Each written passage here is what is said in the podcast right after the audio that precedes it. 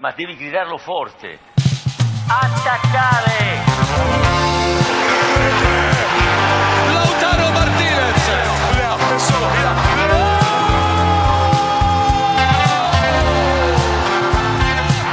Destro pazzesco di Kvaratskhelia. Napoli è campione d'Italia. Het is maandagavond 25 september 2023. En ik mag het eindelijk weer zeggen. Wij bij Los Stadio zitten er weer klaar voor. Vorig jaar namen we vaak met z'n eh, tweeën op. Dit jaar eh, doen we het met z'n drieën. Want eh, ik ben niet alleen, ik ben Willem Haak. Hier tegenover me zit eh, Vincenzo Ruben Coppola. Buonasera. En Wesley Victor Mak aan eh, mijn rechterkant. ben er ook weer. Fantastisch, jongen. Squadra completa. Ja, heerlijk, heerlijk. Allemaal fit? Allemaal fit. Fit and ready to go. Speel klaar. Ja. Nou ja, in ieder geval podcast fit, kunnen we wel zeggen. Die 90 minuten serie. Zou ik me wat minder afgaan. zo is het. Ehm, het komende uur gaan we kijken naar de afgelopen maand eh, Serie A. We hebben vijf eh, speelrondes gehad. Vijf speelrondes waarin eh, veel duidelijk is geworden. Vijf speelrondes die wij ook allemaal hebben gezien. Vijf speelrondes die zijn verspreid over iets meer dan een maand. Wat heb jij die maand gedaan, eh, Vincent? Ehm, nou ja, maand eh, begon eh, hoopvol. Natuurlijk kwamen vers uit de vooruitblik op, deze, op dit seizoen, de podcast. waarin we Napoli nog nou ja, toch vrij hoog hadden ingeschat. Inmiddels zijn we een maand verder. En ja, met de dag eh, werd die maand ook wat somberder. Dus ik Op heb voetbalgebied, of überhaupt. Gaat wel goed verder met je. Zo belangrijk. het een is, het een is niet los te, los te koppelen van het ander. Maar goed. Gaat altijd een beetje zo. En jij in de tussentijd naar Kreta geweest, eh, geweest Ja, was. ik ben even, wat is het, twee weken terug even er een weekje tussenuit geweest. Even niks gedaan. Was ook wel even nodig. Eh, Heerlijk. Maar goed, dat was precies eigenlijk zonder dat ik er echt bij na had gedacht in de interlandperiode. Dus ik heb eigenlijk niet eens iets van de Serie A hoeven missen. Dus dat, dus dat scheelt. Dat is wel Fantastisch. echt top, ja. ja, moet, eigenlijk moet je in de toekomst gewoon je vakanties afstemmen op Ja, precies. interlandperiodes. Ja, ik ben een beetje schuldig aan het missen van de eerste speelronde. Oh ja, want ik was op Lowlands toen. En, eh, Maar dat in welke uh, hoedanigheid? Nou, wel een goede hoedanigheid. maar, maar niet een hoedanigheid waarin ik de Serie A ging kijken. En toen stond ik... Of het eh, weer een soort van fantasy voetbal als je dat ja, zo nee, zo is het. Ik, ik stond zondagavond stond ik daar bij de jeugd van tegenwoordig. En ik had wel live score aan, want ik wilde wel een beetje op de hoogte blijven. Eh, en die dag was Roma tegen Salernitana. Ehm, was een mooie wedstrijd. Dus ik die, die pushmeldingen aan de hele tijd. En ehm, nou ja, toen zag ik dat Candreva twee keer had gescoord tegen Roma. Toch fantastisch. En, en daar word ik toch wel gelukkig van, ook op zo'n moment. Eh, en in de weken daarna wel veel gezien eh, en genoten. Want er was veel te genieten, denk ik. Bij ons allemaal wel. Oké, Napoli was niet fantastisch, maar er was in de Serie A wel veel om van te genieten. Eh, nog even kort voordat we naar die eh, ranglijst gaan. Want we gaan de teams af van eh, beneden naar boven. Van de nummer 20 naar de nummer 1. Moeten we even stilstaan. Kort. Kort, kort, kort. Mand. Ja. Staan we even stil bij de Azzurri. Want Roberto Mancini is vertrokken. Dat was vorige podcast ook al zo. Nu is op een opvolger bekend. Luciano Spalletti. Hoe kijk jij daar tegen aan, Wes? Nou goed, ik heb de wedstrijd dus niet gezien, want ik was toen eh, net even op vakantie. Dus die heb ik, eh, die heb ik wel gemist. Maar ja, ik denk, we hebben hem natuurlijk vorig, ja, zeker vorig seizoen, maar natuurlijk ook al in de eerste paar seizoenen dat wij Los Stadio opnamen en dat hij nog bij Inter zat. Ja, Vaak bewierookt als, nog niet eens per se altijd als trainer, maar vooral natuurlijk als mens. Eh het echt een soort, ja, een onderwijzer. Een, Een legend. Een, ja, een filosoof Ja. bij Vlagen, een, een, een opvoeder. Als je hem dan zo bij die trainingen zag met, met de kinderen, ook bij, in, in, in Napels bijvoorbeeld. Eh, maar ik denk ook wel dat op, op het moment dat Mancini wegging, waar je toch ook wel een beetje het gevoel had dat die er eigenlijk iets te lang is gebleven. Dat hij misschien beter had kunnen ja, stoppen op het hoogtepunt eigenlijk. Eh, er waren twee namen die Mancini konden opvolgen, zou je zeggen. Antonio Conte, Ja. vrij na de, de, de, de afgang bij Spurs, zou je kunnen zeggen. En Luciano Spalletti, vrij na eh, de Hosanna, de, de, de, de successen bij Napoli. Nou, vrij tussen aanhalingstekens. Want Ja. met de Laurentiis en de contracten ben je nooit Ben je nooit helemaal vrij. vrij. Nog steeds niet helemaal. Hoe is dat nou afgelopen? Ja, volgens mij nog niet. Nee. Eh, want het was in ieder geval, hij is toen natuurlijk weggegaan. Of tenminste, hij heeft gezegd na het kampioenschap met Napoli: van ik wil even een eh, sabbatical nemen. Ehm, ik ga er tussenuit. En dus wij hadden het al gelijk natuurlijk vorig seizoen over zijn, eh, over zijn boerderijtje en over die gans. Hoe heet ze ook alweer? Bianca Neve, geloof ik. Ja, Chucky de Eh, ezel. Chucky de ezel, dat soort beesten allemaal. Dus we dachten van, nou, hij gaat gewoon inderdaad even een jaar of twee ertussenuit. even chillen op zijn wijngaard. ja, goed, toen Rustig. vertrok Mancini natuurlijk niet voor het geld naar uh, Saudi-Arabië. Voor het project. Voor het project. En ja, goed, wat je zegt, Conte of Spalletti is denk ik in ieder geval op people management vlak is de keuze vrij makkelijk, denk Absoluut. ik. Absoluut. En, en Ehm, wat betreft uh, moment dat je instapt, is het denk ik ook logisch dat ze voor Spalletti zijn Nou, ook iets meer een bouwer natuurlijk Ja, dan echt. ja. Het komt toch iets meer misschien korte termijn. Ja. Wat op zich eh, ook fantastische trainer daar niet van. Maar ik denk dat Spalletti eh, echt wel die goede keuze is op dit moment. En het enige wat je hoopt is dat inderdaad ook het beetje doorselecteren wat er de laatste periode onder Mancini een beetje aan ontbrak. Dat het toch veel dezelfde spelers waren waarvan je toch niet dacht, dit is top. Dat dat nu langzaamaan zo'n beetje wordt verjongd. Dus Nou, daar kan je ze in ieder geval terug, jongens. Ja, gelukkig. Dat is, dat is mooi. Met Zaniolo samen in de selectie, Ja. ondanks hun eh, eerdere eh, ruzies. Eerste wedstrijd van Spalletti was tegen Noord-Macedonië. Eh, Traumawedstrijd natuurlijk. Ja, en nu weer, want ze, ze wonnen niet. Ze speelden gelijk. Ehm, dus toch een beetje een valse start voor Italië. Kan Spalletti dan toch omdraaien en zorgen dat ze, dat ze zich voor het EK in Duitsland gaan kwalificeren? Nou, Daarna wel gewonnen van Oekraïne, moet ook worden gezegd natuurlijk. ik, eh, ik zou niet weten waarom niet. In ieder geval, Spalletti is een hartstikke goede trainer. Kan ook in formatie, denk ik, voortbouwen op wat Mancini heeft eh, laten staan. Ja, Wat toch eh, nou ja, een 4-3-3 is die hij bij Napoli ook redelijk vaak heeft gehanteerd. maar ook niet meer zo succesvol was in de laatste dagen van Mancini bij Italië. Dus er moet wel iets veranderen, iets meer swing in het elftal komen om Italië weer een team te maken dat zich A voor het EK kwalificeert eh, en B daar eh, een, een kanshebber is om die titel weer te pakken en die titel te prolongeren. En dan moet er wel veel gebeuren, denk ik. Nou, willen ze die titel prolongeren? Dat is wel echt inderdaad drie stappen verder. dat is een Maar denk ik. Ja, ja, ja. kwalificatie zit er Ja, zou eigenlijk in theorie, en dat is heel gek om te zeggen natuurlijk, al een soort van bonus zijn. Omdat je natuurlijk nu ook al een paar toernooien hebt gemist de laatste jaren. Ja. Ja. Al, al zijn ze bij het EK wel aanwezig, meestal. Ja, ja, goed, kijk, het is nu inderdaad... De pool valt relatief gezien nog mee. Ja, goed, Engeland zit er natuurlijk bij. Maar goed, als tweede zou je door moeten kunnen gaan. En je hebt volgens mij ook nog een Nations League vangnet daaronder. Ja, absoluut. Dus op zich, de kans dat ze er niet bij zijn, is niet heel groot. Maar ja, goed, wat je ook zegt, ik denk dat vooral inderdaad die nieuwe schwung een beetje belangrijk is. En daarbij dus het, ook een beetje het wegwerken zeg maar, van de senatoren... die in Italië toch altijd vrij veel macht krijgen, de Bonucci's en, eh, en dat soort types. Ehm, ja, goed, kan. en Buffon zit er nu natuurlijk bij als soort van opvolger van eh, Gianluca Vialli. Als, als teammanager, een beetje eh, ook soort ja, ervaringsdeskundige. En dat wilde Mancini niet en Spalletti wel. Dus wat dat betreft Nou. is er wat meer cohesie binnen het elftal, binnen die bond. Eh, en dat kan Spalletti wel eh, verzorgen. En dat kon Mancini op het laatst niet meer. Ook een van de redenen, naast die miljoenen uit Saudi-Arabië, dat hij vertrok. We gaan het in de gaten houden. Komende maand weer Interlands. Italië tegen Malta eerst en daarna Engeland-Italië. De eerste zullen ze wel winnen. Die tweede, eh, daar zou het lekker zijn als ze een puntje kunnen pakken. Gaan wij door naar eh, de terugblik op de afgelopen Serie A.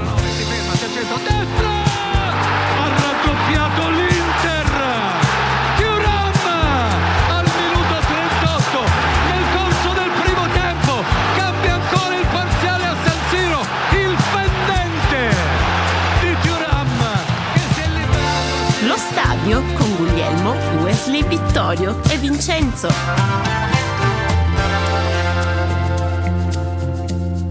En dan beginnen we eigenlijk bij eh, de onderste regionen. Want eh, zoals net ook al gezegd, we gaan van nummer 20 naar de nummer 1. En de nummer 20 is eh Empoli. En niet zo'n beetje ook.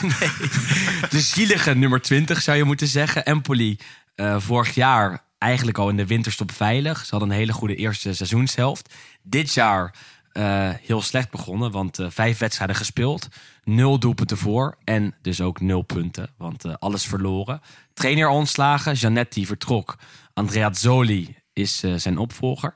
Had een van jullie voorspeld dat eh Zanetti de eerste trainer zou zijn die zou worden ontslagen? Nee, dat niet. Maar ik durfde er wel direct geld op te zetten toen hij werd ontslagen dat een Andrea Zoli weer terug zou komen. Want dit is volgens mij zijn twaalfde termijn Ja, ja, ja. bij Empoli. Officieel de vierde is het, maar goed. Nou ja, goed, het is ja, raar eigenlijk. Want we hebben natuurlijk ook ja, in de voorbeschouwing is, eh, is natuurlijk ook gezegd dat Empoli echt wel een leuke selectie heeft. We zeggen het eigenlijk al een paar seizoenen dat het ook een beetje een soort mini-Atalanta misschien is. ja, iets, een beetje ja, mini Op- op een lager misschien niveau, op een iets precies. lager Ja, niveau. dat is het, maar in ja. ieder geval wel eh, met vaak leuk voetbal, met een hele goede jeugdopleiding. Ook over het algemeen vrij goede, goede scouting die daar, eh, die daar plaatsvindt. Zeker. Vaak ook wel goede eerste etappes voor trainers die Ja, later... zeker. Ja. Nee, dus daar, dat is eigenlijk over het algemeen wel een, nou, een zekerheidje kun je niet zeggen. Maar over het algemeen hoef je daar niet heel veel druk om te maken dat hij, eh, dat hij echt heel slecht, eh, slecht eindigt. Wat klopt er dan niet? Ja, wat klopt er niet? Ja, dat is een serieuze vraag. Want je kijkt naar de selectie en die is niet zoveel anders dan afgelopen jaar. Uh, Cambiagi, bijvoorbeeld teruggehaald van Atalanta, huren ze weer, is een talent. Cancellieri wordt gehuurd van, eh, van Lazio. is een speler die bij Empoli speelt en daadwerkelijk minuten maakt. Eh Baldanzi. eh, Toptalent. toptalent, toch? Eh, iemand die in de belangstelling staat van Napoli al, al tijden. Ehm, er zijn genoeg spelers die wel wat zouden moeten kunnen. Alleen, het loopt niet. Ja, de combinatie is eh, op de een of andere manier werkt niet. Want inderdaad, wat je zegt, Cancellieri bij Verona. Je hebt natuurlijk ook Maldini. Je hebt Jesse, die afgelopen seizoen nog bij Spezia speelde. Wat daar een van de betere spelers was. Dus je zou ook zelfs op puur offensief gebied zeggen van... nou, daar zitten wel doelpunten in. Eh, Destro en Caputo zouden die goals kunnen maken. Wel allebei een stukje boven de 30, maar wel allebei bekend als eh, bombers. Eh, ook bombers eh, uit de provincie. Niet eh, op een hoger niveau, want boven, eh, boven in de ranglijst hebben zij nooit eh, kunnen presteren. Ehm Empoli nummer 20 is dus niet best. Eh, als je nul punten hebt uit vijf wedstrijden, is dat een garantie dat je gaat degraderen? Nou, op basis van vorig jaar natuurlijk niet. Nee, Monza, hè? Ja, die werden nog elfde.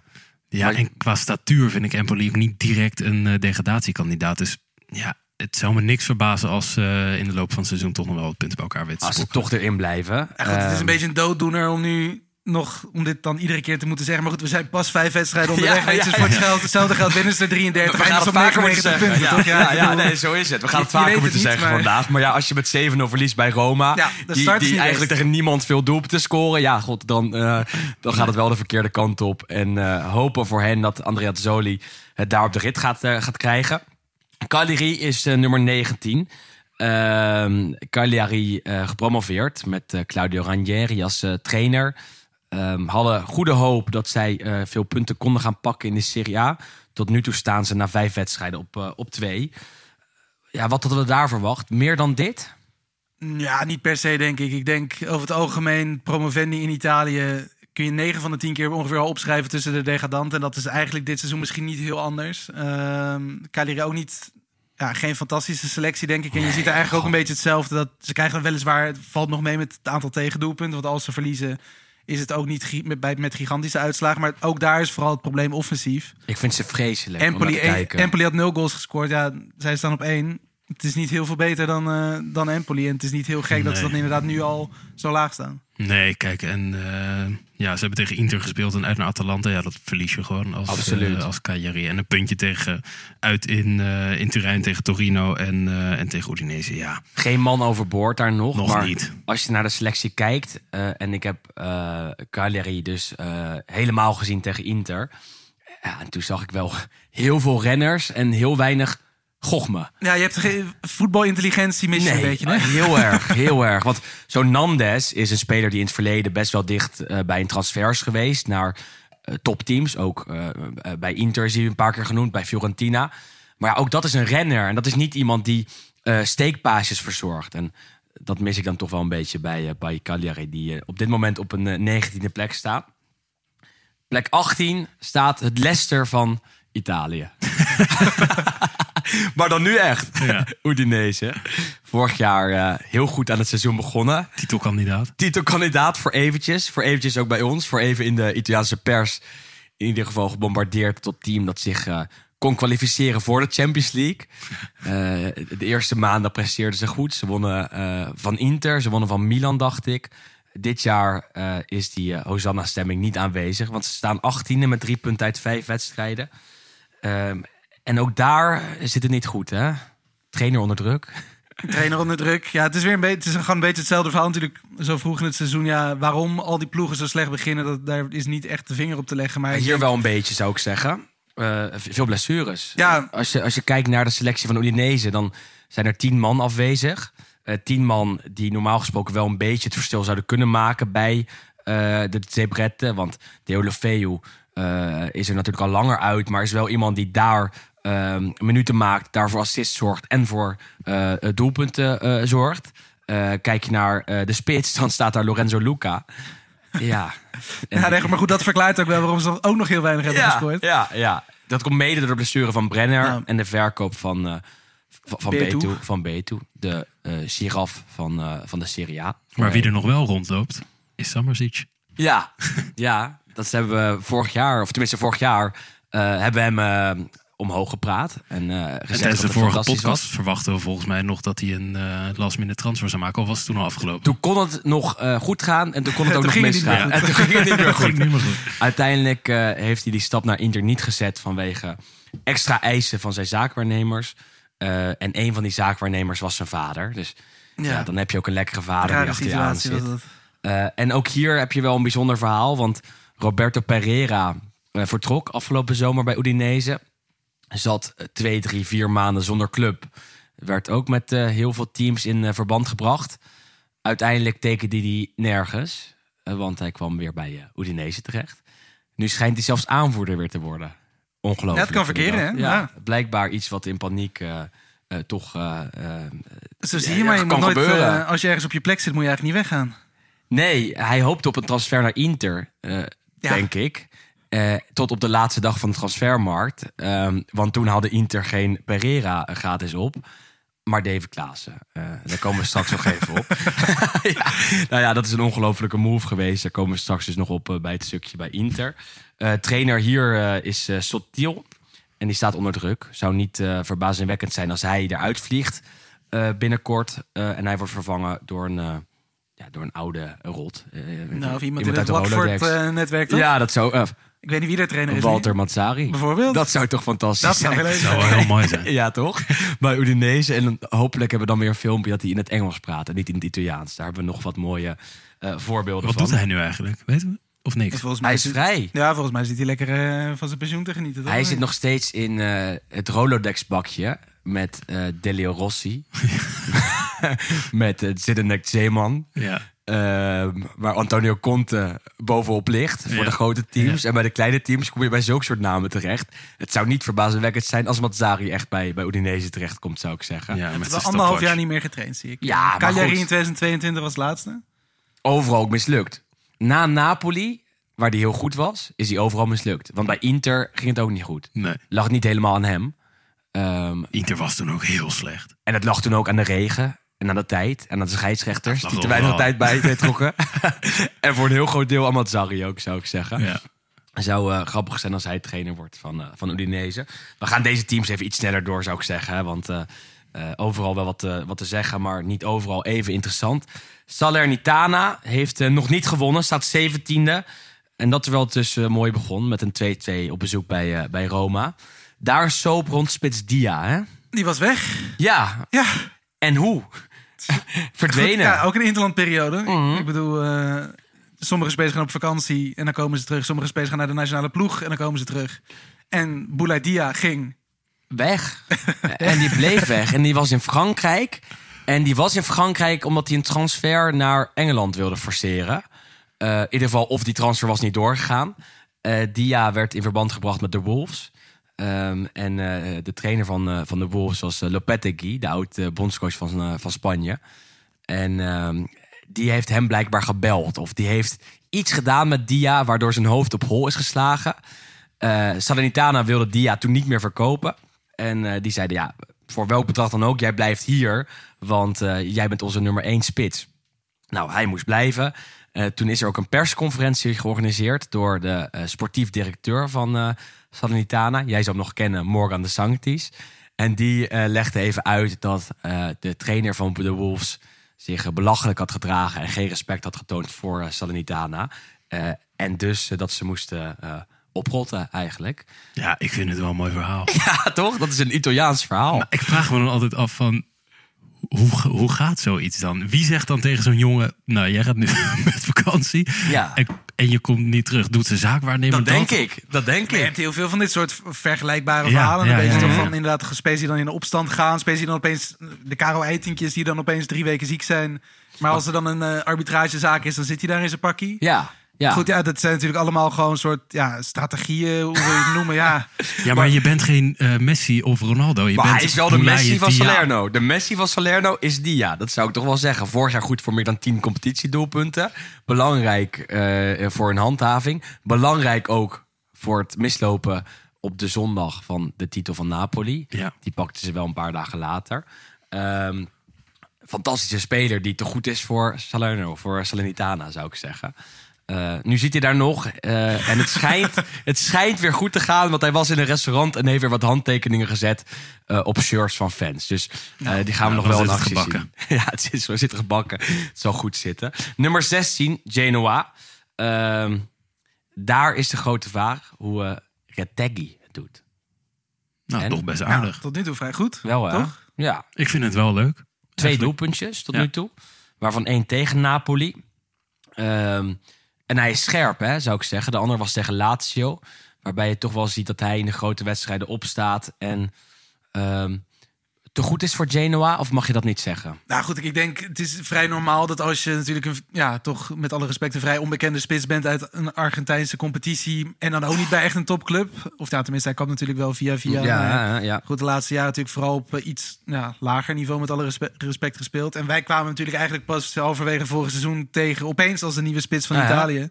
Ehm, dus Door denk, Roberto Mancini. door Roberto Mancini onder meer. Ehm, dus ik denk op zich de eerste voet aan wal in Europa dat dat inderdaad niet gelijk. Kijk, Milito bijvoorbeeld is Had ook natuurlijk een beetje. Ja, Maar ja, eh, ja, ik denk dat Genoa een prima eerste stap is voor hem. Alleen je ziet wel bij Vlagen dat hij toch beter is misschien dan we hadden gedacht. voor, voor Fiorentina zou het een goede spits ja, zijn. maar er zit, echt wel, er zit echt nog wel potentie Ja. in. En zeker als hij, en goed, dat is natuurlijk een beetje de vraag of Spalletti het ook in hem ziet zitten voor de nationale ploeg. Eh, om daar echt de komende tijd dan iets omheen te bouwen. Omdat ja, Italië in spits blijft natuurlijk een klein, klein Die zijn er zorgenkindje. niet. Ja, die zijn er niet. Dus goed, de kans is best aanwezig dat hij inderdaad ja, de vaste spits blijft. moet hij wel en- een, een stapje zetten, denk ik. Ja. Eh, dan Ja. moet hij denk ik, denk ik eh, tien doelpunten maken bij Genoa. Misschien wel 15 dit seizoen. En dan een stap zetten naar ehm, Fiorentina. Fiorentina. Of, of, of Atalanta misschien zelfs. Al hebben die Scamacca natuurlijk. Waar de hoop ook is op gevestigd vanuit eh, Italië. Genoa vier puntjes. eh, gestund tegen, ehm, tegen Napoli natuurlijk. Wat, eh, Ja, en uit bij was. Lazio natuurlijk ook. Ja. Ja. dat zijn eigenlijk, ze pakken de punten. Dat zijn de punten. Ja, ja. Die willen alleen maar tegen topteams spelen. Dus eh, nou ja, ga er maar aan staan. je ziet inderdaad wel, en dat hebben we de afgelopen seizoenen veel gezien natuurlijk, dat ja, je blijft in de Serie A eigenlijk juist als je punten pakt tegen de ploegen rondom je. Dus het is leuk als je inderdaad dan een keer bij, tegen Napoli gelijk speelt of bij Lazio wint. Maar ja, als Ja. je de rest alles verliest, dan lig je er alsnog uit. Zo is het. Dus dat is natuurlijk een beetje de... Zij moeten de De punten, crux. pakken, punten pakken tegen de concurrentie.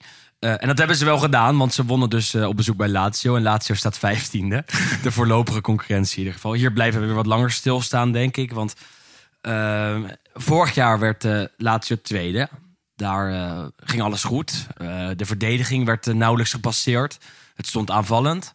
Dit jaar gaat eigenlijk alles mis. In ieder geval in de Serie A.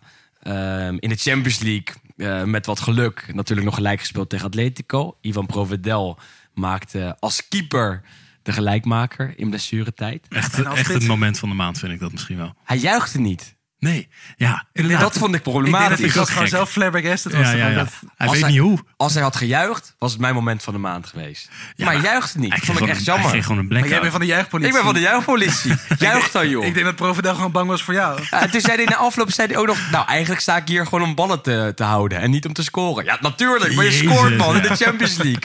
Eh, dan moet je toch gek gaan in, eh, in het Olympico. En niet eh, op deze manier heel cool doen alsof je... Ciro Immobile bent, die er al eh, eh, meer dan 100 heeft gemaakt voor, voor Maar laatst. goed, voor hem is het normaal. Ik bedoel, hij had een paar jaar geleden ook gescoord, ja. Toch? In de Serie B, zo is het. zo is het, je hebt gelijk. Ehm een van de, de, de mooiste momenten van, van de afgelopen maand. Ook voor Lazio, want die pakken in de Serie A dus nauwelijks punten. Staan pas op vier. Eh, wonnen op bezoek bij Napoli. Eh, knap. Eh speelden toen in de tweede helft een hartstikke goede... Ja, dat was eigenlijk de enige goede wedstrijd die ze hebben gespeeld misschien dit seizoen Ja, tot nu toe. ja, Ja. Dat denk ik ook. Lazio eigenlijk altijd wel goed tegen Napoli. Maar ja, voor de rest is het nog niet heel veel eh, soeps. Tegen Juve vond ik ze ook echt niet goed. Nee. Ehm Terwijl ze toch wel een, een, een, Mercato hebben gehad. Waarvan ik eerst zei dat ik hem niet indruk- indrukwekkend vond, indrukwekkend vond. Maar uiteindelijk kijk je ernaar en dan zie je toch wat spelers die echt wel in de Serie A eh, moeten kunnen presteren. Want zo'n Guendouzi is wel iemand die eh, bij Lazio op het middenveld eh, een verschil kan maken. En hetzelfde Zeker. geldt voor Kamada, die eh, tegen Napoli natuurlijk scoorde. Eh, het probleem zit hem denk ik vooral voorin. Want ik zag eh, Immobile ook afgelopen weekend weer stuntelen. En dan denk ik wel, Hoe slecht zijn die anderen dan? ja, Toch? Ja. want hij is echt over zijn top heen. Ja, Dat zie je al langer. En dan scoort hij nog wel. Maar dit jaar tot nu toe ehm, loom, niet scherp, eh, afwezig. Is dat het probleem van Lazio? Of zit er veel meer in? Ja, en er is een ander probleem en dat is Milinkovic Savic, die, die weg ja, is. Ja, ja, ja. Nou, ja. dat was echt de linking pin natuurlijk. Ja. Maar goed, ja, je zou zeggen dat ook zonder hem hoef je niet 15 te staan met, eh, met vier punten. Maar Nee, zo is het. Ehm Sarri wel onder druk. Ja, Ehm, Lotito heeft nu volgens mij weer een, eh, een soort... Ja, ze moeten in Retiro, ze moeten weer op trainingskamp nu richting de volgende wedstrijd. Ik weet niet tegen... Dat is tegen eh, Torino. Ja, Ehm, gaan ze dus weer op zo'n ja, op zo'n zo'n Retiro en ze mogen weer niet met de pers praten. Trainingskamp is dat, komt, weer, ja. komt weer dicht bij elkaar, de koppen bij elkaar, neuzen dezelfde kant op. dan word je toch juist gek van elkaar. Daar word je denk gek ik. van, denk Ja. ik. Maar goed, nee, maar wat je zegt, de Mercato blijft daar natuurlijk sowieso wel vrij opvallend... dat ze de laatste seizoenen eigenlijk steeds toch ook vrij veel jonge talenten halen. En die dan gewoon niet, en of niet spelen, of gewoon echt niet tot wasdom komen. nee, nee. Eh, het was natuurlijk vorig seizoen met die Marcos Leonardo op het middenveld. Die is nu naar PAOK. Ja, Eh, dat jochie dat nu richting Milan is gegaan. was eh, Hoe heet hij?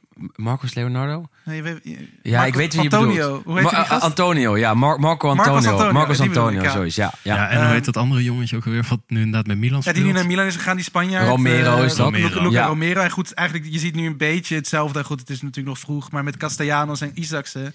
Twee aanvallende krachten waarvan je allebei toch mag verwachten dat die goals maken. Komen tekort. het het denk komt er ik. gewoon niet uit. En zelfs bij Rovella, die toch ook wel... Of tenminste, die kwam natuurlijk van Juventus. Bij Monza heel Ja, goed was bij. Monza heel goed. En daar...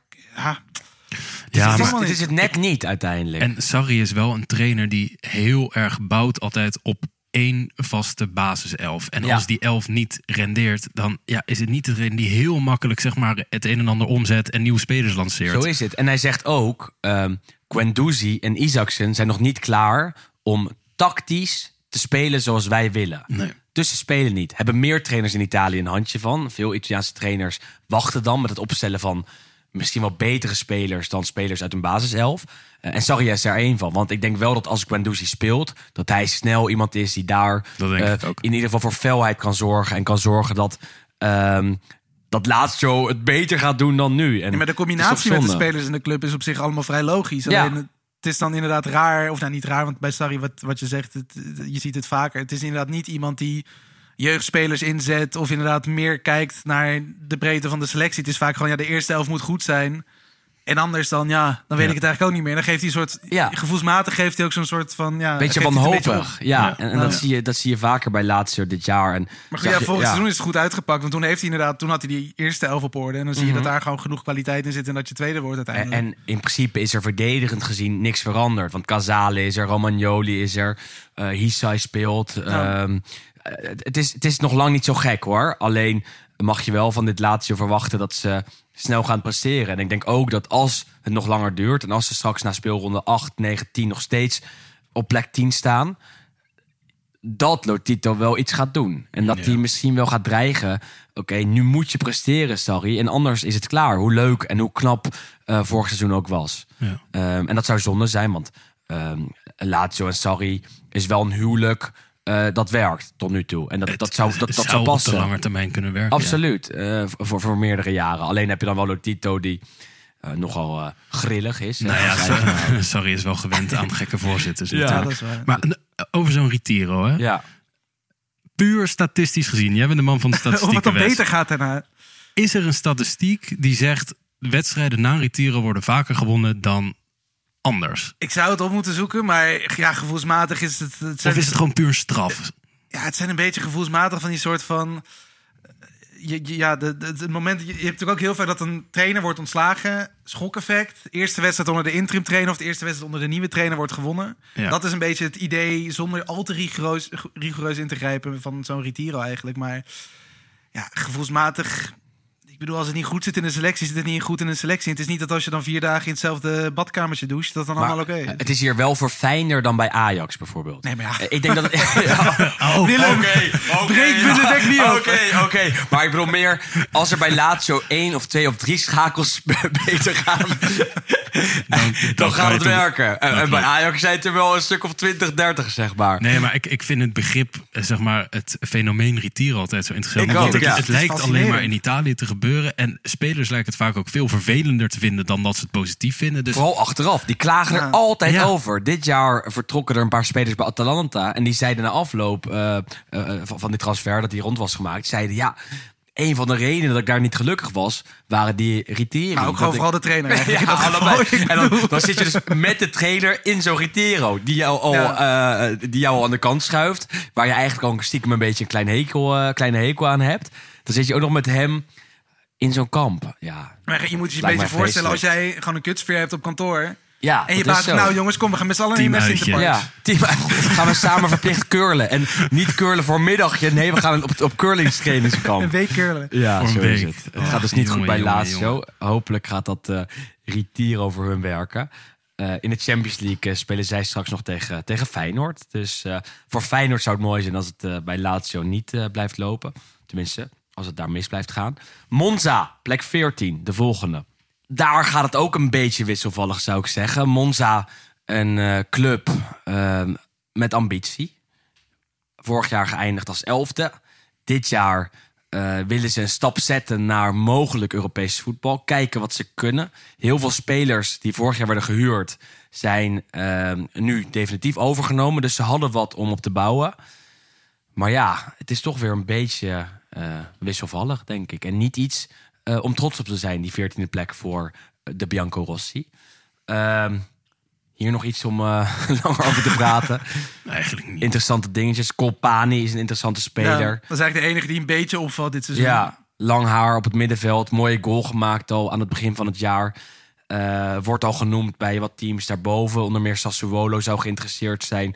Ook wat teams uit de top zouden hem er mogelijk bij willen hebben als vijfde of zesde middenvelder. Dus als je naar Monza kijkt, kijk naar Colpani. Ehm, door naar nummer 13 zou ik gewoon zeggen. Want eh, daar gaan we wat langer bij stilstaan. Dat is Roma. Roma, waar de afgelopen maand heel veel is gebeurd. Wij namen eh, de vorige aflevering op voordat Romelu Lukaku naar eh, het Olympico trok. Hij eh, staat daar nu in de spits. Is goed aan het eh, tijdperk van hem in, eh, in Rome begonnen. Drie goals in zijn eh, eerste eh, paar duels. Ehm, zien jullie dat huwelijk werken? Lukaku en eh, Roma?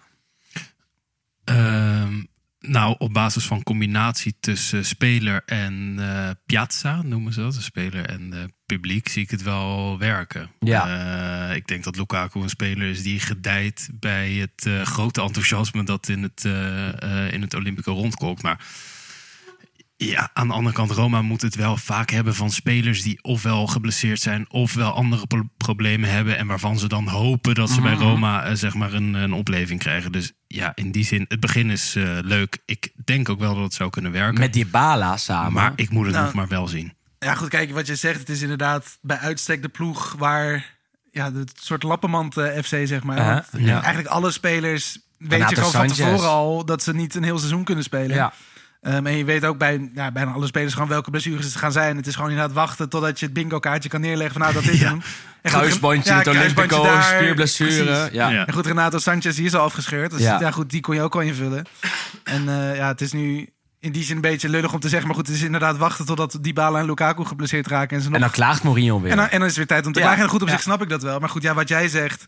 Ik denk wel, Lukaku, juist een speler die vertrouwen en steun nodig heeft. En op het moment dat die wordt afgezekerd, daar echt niks meer van kan, zeg maar. Maar je krijgt daar liefde. Maar je krijgt Dat zie liefde. En wat je zag het bij die, bij die presentatie. Ja. Waar werd er echt gewoon... Ja, Ja, wat was de, wat, zeggen ze, de achtste keizer van Rome binnengehaald. Ja. Hij werd gevlogen door de eigenaar vanuit eh, Brussel of Antwerpen naar Rome. Ehm, en dan is het toch mooi dat dat privévliegtuig van Roma wordt gevlogen door eh, Dan Friedkin. Eh, en toen kwamen ze aan eh, op een vliegveld in Rome. En daar stonden zoveel fans om hem te verwelkomen. Terwijl Lukaku echt op heel veel plekken eh, verguisd is. En ehm, bij Inter was hij geliefd natuurlijk. Door die Scudetto, door zijn prestaties daar. Door dat hij daar heeft gepresteerd. Bij Anderlecht is hij geliefd. Maar bij al die andere clubs is hij toch op een of andere manier vertrokken met een, een slecht gevoel. En spreken de fans niet per se positief over hem. In Rome tot nu toe wel. En zeker bij die aankomst zag je dat zij hem gelijk verwelkomen met liefde en met passie. Ja, en maar als ze ergens een speler kunnen verwelkomen, is het in Rome Dat is toch natuurlijk. schitterend. Dat zag je vorig jaar mooi. ook met Wijnaldum en met, met Dybala. Dit jaar dus met Lukaku, wat echt een grote transfer eh, is voor Roma. Eerder deze transferperiode zaten ze achter Zapata aan. Dat zou de spits worden. Ging Ja, uiteindelijk goed, dan niet is door. dit wel een upgrade in ieder geval. Absoluut. ja. Zelfde soort eh, speler. En goed, en afgelopen weekend scoorden ze toevallig allebei in dezelfde Ja. wedstrijd. Ja. Torino tegen Roma, 1-1 Ja. Zapata en Lukaku. maar goed, ja, de seizoenstart is ondanks de positiviteit misschien dan over de komst van Lukaku nog niet fantastisch natuurlijk. Want ja, goed, afgezien van die 7-0 is het eigenlijk niet om aan te zien. Nee. Nog steeds niet. En Nog dat steeds is niet. Maar goed, de problematisch. 7-0, dat was dan inderdaad een, een positieve Ja. uitschieter. Van nou goed, de ketchupfles is geopend, we gaan ervoor. En Wel dan tegen zakt het daarna weer in. Wel tegen Empoli. Ja, tegen Empoli wint iedereen. Ehm, en tegen Torino eh, hoop je dan als, als, als Romanista, denk ik, dat ze toch weer wat moois laten zien. En die wedstrijd eh, heb ik voor een groot deel gezien. En het was vreselijk. Er gebeurde niks. En nou moet ik zeggen, wedstrijden tussen een grote eh, ploeg en Torino zijn vaak vreselijk. Ehm, maar Roma kon er niet doorheen voetballen of iets creëren. eh, dat ze eh, vaker dan één keer wisten te scoren. En dat is toch wel het probleem van, van, van dit Roma, denk ik. Dat zodra er een paar spelers wegvallen, dat het gelijk heel weinig is. En dat ze echt nog steeds heel erg moeten vertrouwen op de creativiteit van die Bala. en als die Bala zijn dag niet heeft, ja, dan, is er het niemand. heel moeilijk. Misschien Pellegrini, maar goed. Nee, je zag het ook in die topper tegen, tegen Milan natuurlijk. Dat ze ook echt onder de voet werden gelopen bij Vlagen. Ehm, ja, en als je dan ook al verliest van, van ja, Verona en... en het, is, Ja. eh, het houdt niet over. Het houdt niet over. En, Mourinho eh, oud. Of niet? Oeh. Nee, dat gaat nooit gebeuren. Nee, ik denk het ook niet. Het gaat, nooit, het, gaat, het gaat nooit gebeuren. Maar ik denk wel dat als Roma zich dit jaar niet voor de Champions League kwalificeert... met deze selectie die dat wel zou moeten kunnen... dat Mourinho weg is. En dat zou ook terecht zijn, vind Uit ik. eigen eh, beweging. Eh, deels, ja. Ik denk dat het dan een combinatie zou zijn. Dat, ik heb wel het gevoel dat, het wel zou Roma moeten. bij uitstek de ploeg is waar je zeg maar niet goed kan vertrekken. Klopt. Ja. Is, je zag het met de Rossi, je zag het met Totti. Mourinho gaat inderdaad ook niet ontslagen worden. Die gaat dan gewoon weg. En dan Ja. gaat hij na afloop gaat hij iedereen afzeiken waarschijnlijk. Maar zou eh, Mourinho eh, na de verloren Europa League finale... eh, Die heeft hij gewonnen. Of hij heeft, hij heeft niet verloren. Ja, ja, ja, hij heeft niet verloren. Hij heeft niet ja, verloren. Had hij toen moeten vertrekken? Hij zegt zelf dat het ze hem niet hebben verloren. Maar goed, ze hebben hem verloren van Sevilla natuurlijk. Ja, ik weet, het- het blijft lastig om natuurlijk ook een goed moment te vinden om, ja, moet je aanblijven, moet je, moet je vertrekken. Nee. Het- dat, dat blijft natuurlijk gewoon heel lastig, omdat je, ja, zeker natuurlijk, het is wel Mourinho. In die zin kan ik ook heel goed begrijpen dat een club daar inderdaad niet zegt van, hé, hey, José, het is goed geweest. Nu alleen, als je dan weer terugkijkt naar het voetbal, naar alle polemiek en vooral natuurlijk ook zijn gedrag en dat van zijn staf, binnen, buiten het veld, alle schorsingen, alle akkefietjes. Maar er tegenover staat het enthousiasme van de fans. Ja, En dat is alles waard. Dat Voor een maakt voetbalclub, alles wat jij net opnoemt, Nou. wordt goed gemaakt door het enthousiasme van de fans. Het Olympico zit elke week vol. Eh, zij vergeven hem alles. Ze houden van hem, ze houden van de ploeg. En dat is de afgelopen eh, Ik vind het jaren toch wel echt, echt, gegroeid. bijzonder. Soms vraag ik me af, zijn ze nou echt zo enthousiast? Of is het gewoon een toneelstuk? Want eh, som- eh, het lijkt gewoon alsof ze erom doen... om dat hele Ja. stadion vol te krijgen... en die vlag overal en Maar die dat- geweldige ambiance neer te zetten. Maar naar Ik kan me bijna niet voorstellen dat ze dan echt ook gewoon Voor heel dit. gaaf vinden. Ja. Eh, eh, Maar maar als je naar een filmpje kijkt van Roma eh, thuis tegen Milan uit 2015 bijvoorbeeld, ik noem een random wedstrijd hoor, dan zit het Olympico niet helemaal vol. Nee, En dat hebben ze nu elke Verre wedstrijd van. wel. maar het Ja, is, het gigantisch is ook is heel mooi Instagrambaar. Of zeg ik dan wat eh, TikTokbaar. TikTokbaar. Hoe vaak, hoe vaak denken jullie aan het Romeinse Rijk? Ja, ik dus echt nooit. Ik kreeg die vraag. Ik Nee, denk nooit? maar wel aan Roma, naar Lukaku. Aan de achtste keizer van Rome, dat is het. Eh, door naar eh, Sassuolo, plek 12. Wonnen afgelopen weekend met 4-2 van Juve, Wes. ja breng me de bek niet open. Ga je dan nog enthousiast over Sassuolo praten... of toch met een beetje een Nee, ja, ik vind Sassuolo, ik vind het echt een leuke club. Eh, het is natuurlijk een beetje ja, discutabel in die zin, omdat ja, ze spelen niet in Sassuolo. Ze spelen natuurlijk in Reggio Emilia. Eh, ze hebben echt niet heel veel fans. Maar het, het hele idee achter de club vind ik heel mooi. Het is, ze zijn echt opge, ja, opgeklauterd uit de Serie D, Serie C, Serie B, Serie A, waar ze nu gewoon echt subtop zijn. Met eigenaar Giorgio Squinzi van Met- Mapai. Ja, precies. En, en gewoon echt een heel goed idee. Want we noemden hem net al even bij, bij Empoli. Maar dit is inderdaad ook een soort Atalanta in het klein. Gewoon ook heel goed idee daarachter. Eh, over het algemeen best wel veel continuïteit, duidelijk spelidee. eh, hele goede scouting. Echt Van- beleid. Echt uit alle hoeken van de wereld halen ze spelers vandaan. En het voetbal is gewoon ook echt leuk om te zien. En, eh, kijk ook daar bij- is een beetje het probleem. Want goed, nu winnen ze dan van Juve. Mhm. We zeiden net voor de uitzending al voor de grap van... ze doen het vooral tegen de grote ploegen. Dat is eigenlijk het enige manco daar. Maar kijk, kijk naar alle topteams in de Serie A. En daar speelt bijna elke keer wel een speler eh, die bij Sassuolo Ja. heeft gespeeld.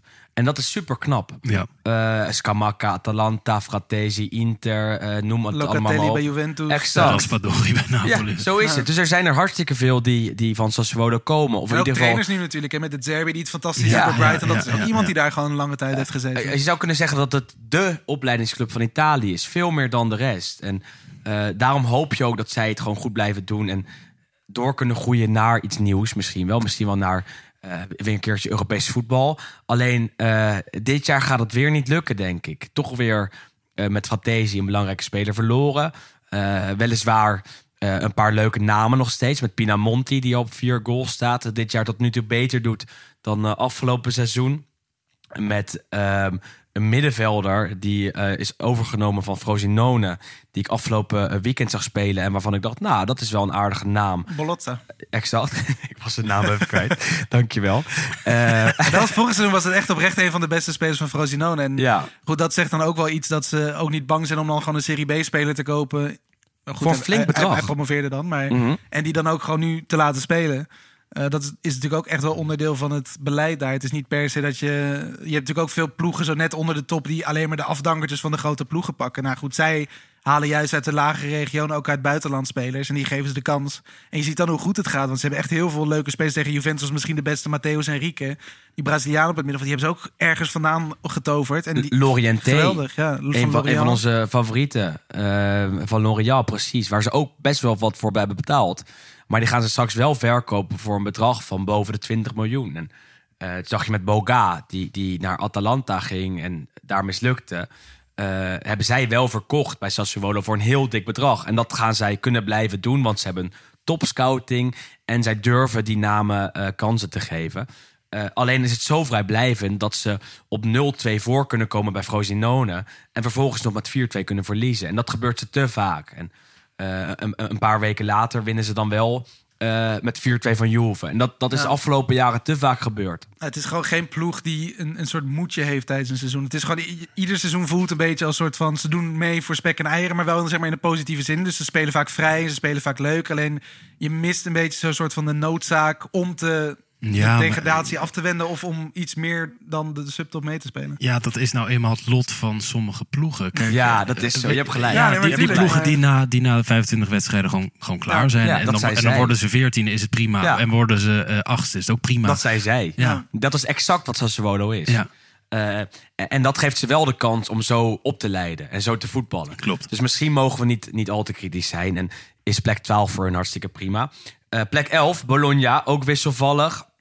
Eh, daar hopen ze wel door te groeien. Afgelopen jaar het puntenrecord van henzelf eh, verbroken in de Serie A. Met Thiago Motta ging het daar fantastisch. Ze klommen op, ze klommen op, ze klommen op. En uiteindelijk waren ze heel dicht bij Europees voetbal. Dat lukte uiteindelijk niet. Dit jaar willen ze wel Europees voetbal halen. Alleen de start is een beetje te wisselvallig. Moeite met scoren. Marco Arnautovic natuurlijk verkocht aan Inter. Daar hebben ze geen echte vervanger voor gehaald. Joshua Zirkzee is iemand die daar eh, veel minuten maakt. Oud Ja. Anderlecht, Nederlander. Op zich ook niet gek speelt, Nee, vind ik. Alleen over vrijblijvend gesproken... is hij wel iemand met, met een, een hele hoge dosis vrijblijvendheid over hem heen, vind Ja. ik. Ja. Snap je wat ik bedoel? Nee, maar dat natuurlijk. Maar Dat ook gewoon ook gebaseerd op wat hij heeft laten zien, toch? Ik bedoel, je kent Ja. dat filmpje wel van Bayern München dat hij volgens mij iedereen heeft gepasseerd en dan staat hij op de doellijn en denkt hij zal ik hem binnenschieten en dan wacht hij zo lang dat die bal buiten gaat. dat is Ja. het. Dat is het. Bij Anderlecht heeft hij toen echt wel goed gedaan. Dus ik snap ook wel dat er toen was er ook van meerdere clubs was er interesse. Eh, maar ik denk dat hij zeker dit seizoen is hij misschien wel de beste speler van Bologna. Absoluut. En goed, en dat zegt dan niet heel veel over hem, omdat het allemaal nog wat ja, tegenvalt misschien. Of tenminste nog iets minder is dan... Ze hadden meer gehoopt. Ja, Maar goed, ja, mooi in ieder geval dat, eh, dat hij het daar goed doet. Sam Beukema staat elke week in de basis. Carlson van Carlson. speelt veel oud AZ.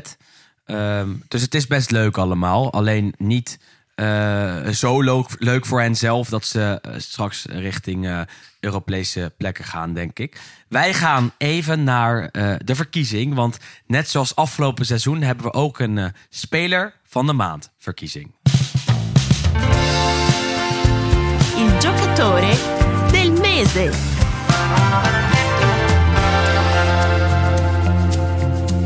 De speler van de maand verkiezing. Uiteindelijk hebben we er dit jaar een stuk of tien, zou ik zeggen. En uit die speler van de maand spelers kunnen we dan uiteindelijk een speler van het jaar kiezen. Ehm, er waren wel wat namen die de revue hebben gepasseerd, zou ik zeggen. Of niet, Wes? Ja, er zijn er zeker een paar. Ehm, en ook vooral, eh, goed, we, we doen normaal natuurlijk ook die awards soms eh, aan het eind van het jaar, eind van het seizoen. eh, met teleurstellingen en, en natuurlijk de verrassingen. Ehm, maar ik denk, ja, ik wil niet te negatief insteken, maar er zijn ook Mag vooral wel, een hoop hoor. spelers waarvan je toch wat meer had gehoopt. Die, dit- wat er nu helemaal niet meer uitkomt. En dan kijk ik even hier deze kant op. Ik kijk even de andere kant Want op. het schijnt dus, Oh, het schijnt dat Kvaratskhelia nog voetbalt. maar- Quaradonna. Jongen, jongen, jongen. Ja. Maar daar hebben we het zo over. We hebben het zo Daar over. daar hebben we het zo even over. Maar goed, ja, dus dat was een van de spelers waarvan ik misschien persoonlijk het meeste, of ja, een groot deel van de Ja. hoop had gevestigd. Van ik hoop echt dat dat inderdaad geen one season wonder is. Kans gaan is we- aanwezig. de nog kans steeds. bestaat. Ja, zeker. Ja. Maar goed, ja, wat je zegt, er zijn ook genoeg spelers die wel eh, ja, positief zijn En opgevallen. die met- spelen allemaal bij Inter. Ja, eigenlijk wel. ja, goed, ik wilde net zeggen, je hebt Rafael Leao, maar dat zijn ook weer de wat bekendere namen. Chiesa doet het de laatste. Ik vond Leao niet zo goed afgelopen Nee. maand eigenlijk. Als ik zelf eh, mijn mag. mening mag verkondigen. Nee, daar ben je voor. Die vond ik heel wisselvallig. Dus die was af en toe goed, maar af en toe ook heel slecht. En in de derby ehm, tegen Inter scoort hij wel, maar was hij over vrijblijvend gesproken, Ja. wat een beetje het woord van deze podcast is, was hij weer heel vrijblijvend en, en een beetje zijn, zijn oude zelf met heel veel rook en heel weinig vuur. Nou. En dat zie ik de afgelopen maanden iets te vaak bij hem terug, eerlijk gezegd. Ook in de Champions League tegen hakje was niet Newcastle zo bijvoorbeeld. Ja, hem ook heel dat slecht. hakje tegen Newcastle. God. Irritant slecht, want hij kan zo goed zijn. Ja. En vervolgens komt de Gazzetta de volgende dag, wat eigenlijk niet kan, vind ik. Ben je Balotelli of ben je Ronaldinho? Zoiets was het. En ehm, Vind ik wel mooi. Ja, nou, hij is, denk ik, hoop ik straks meer eh, Ronaldinho dan, dan Balotelli. Maar Nee, maar goed, Eh, wat je zegt, ik denk dat op. eigenlijk er een paar kanshebbers zijn. En die spelen allemaal eh, bij jouw clubje, toch? ja, ik denk het Wie vond jij de wel. beste? Nou, ik twijfel een beetje tussen een paar spelers. Eh Mkhitaryan is iemand die wij heel weinig noemen in onze podcast. Die wel structureel goed is. Is super belangrijk voor dit Inter. Lautaro Martinez, het jaar goed begonnen. Heel sterk in eh, het maken van doelpunten. Maar nog sterker vind ik in eh, eh, het link-up spel. Dus de bal vasthouden, de bal diep sturen. En uiteindelijk komt hij voor in het doelpunt van de maand van de speler van de maand. Want eh, Lautaro stuurt de bal diep op Dumfries. Dumfries geeft voor. Touram, Marcus Touram, kan er niet bij. En kapt vervolgens, nadat hij de bal heeft aangenomen, een eh, Milan-verdediger uit. Kapt naar zijn rechter en legt hem in de verre hoek tegen Milan. Legt. Hij ramt hem echt in. Ik probeer het poëtisch te zeggen, Vincent. Nee, je hebt gelijk. Je was weinig poëtisch Ja. aan. Het was gewoon zo'n goede goal, joh. Zo fantastisch. Jongen, echt Eh, geweldig. dat ja, was- doelpunt van de maand is ook wel eh, uitgeroepen, denk ik. Doelpunt van de maand Ja. op dat moment in je eerste derby eh, als Interista tegen Milan is fantastisch. Maar Thuram is, is, is eh, alles wat Lukaku afgelopen seizoen niet is geweest. Hij eh, brengt diepte in het spel van Inter. Hij zorgt voor eh, goed samenspel met Lautaro Martinez. En wat mij betreft, en ik hoop dat jullie het daarmee eens zijn, is hij de speler van de maand.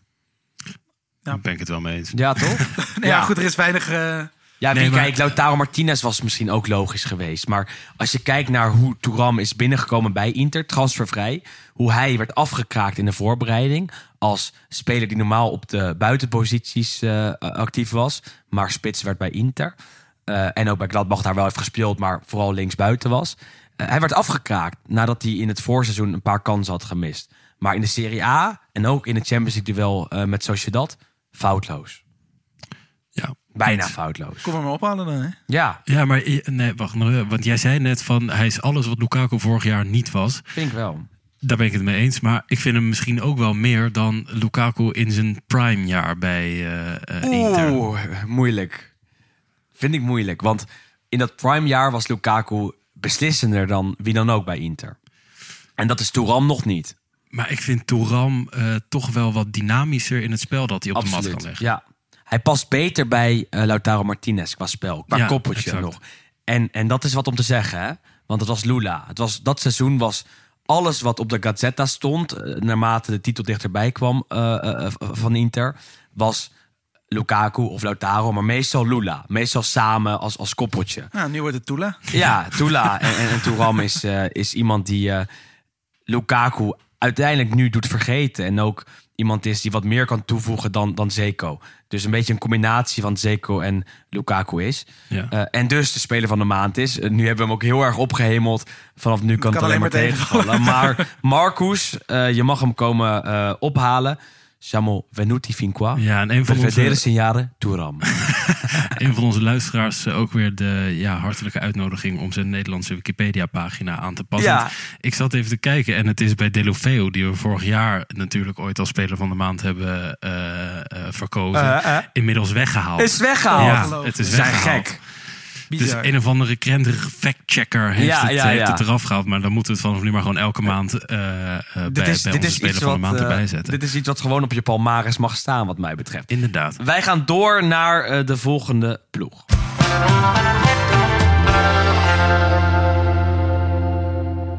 En we zijn bij het linker rijtje aanbeland. Want het is tijd om even bij Verona te kijken. Verona op plek 10, wat voor hen hartstikke goed is.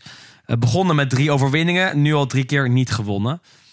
Moeten we daar op één man letten de komende maand? Of hebben we op een man gelet?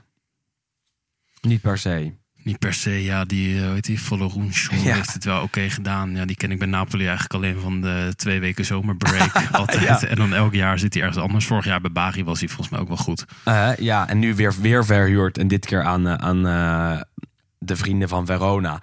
En speelt daar best wel goed. Ook tegen Milan eh, was hij eh, een van de beste spelers op het veld.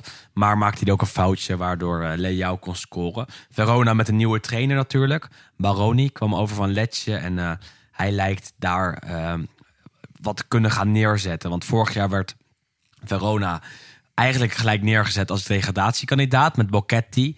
Uiteindelijk werd hij bijgestaan door een, door een soort stroomman, omdat Bocchetti geen, ehm, eh, geen diploma's had.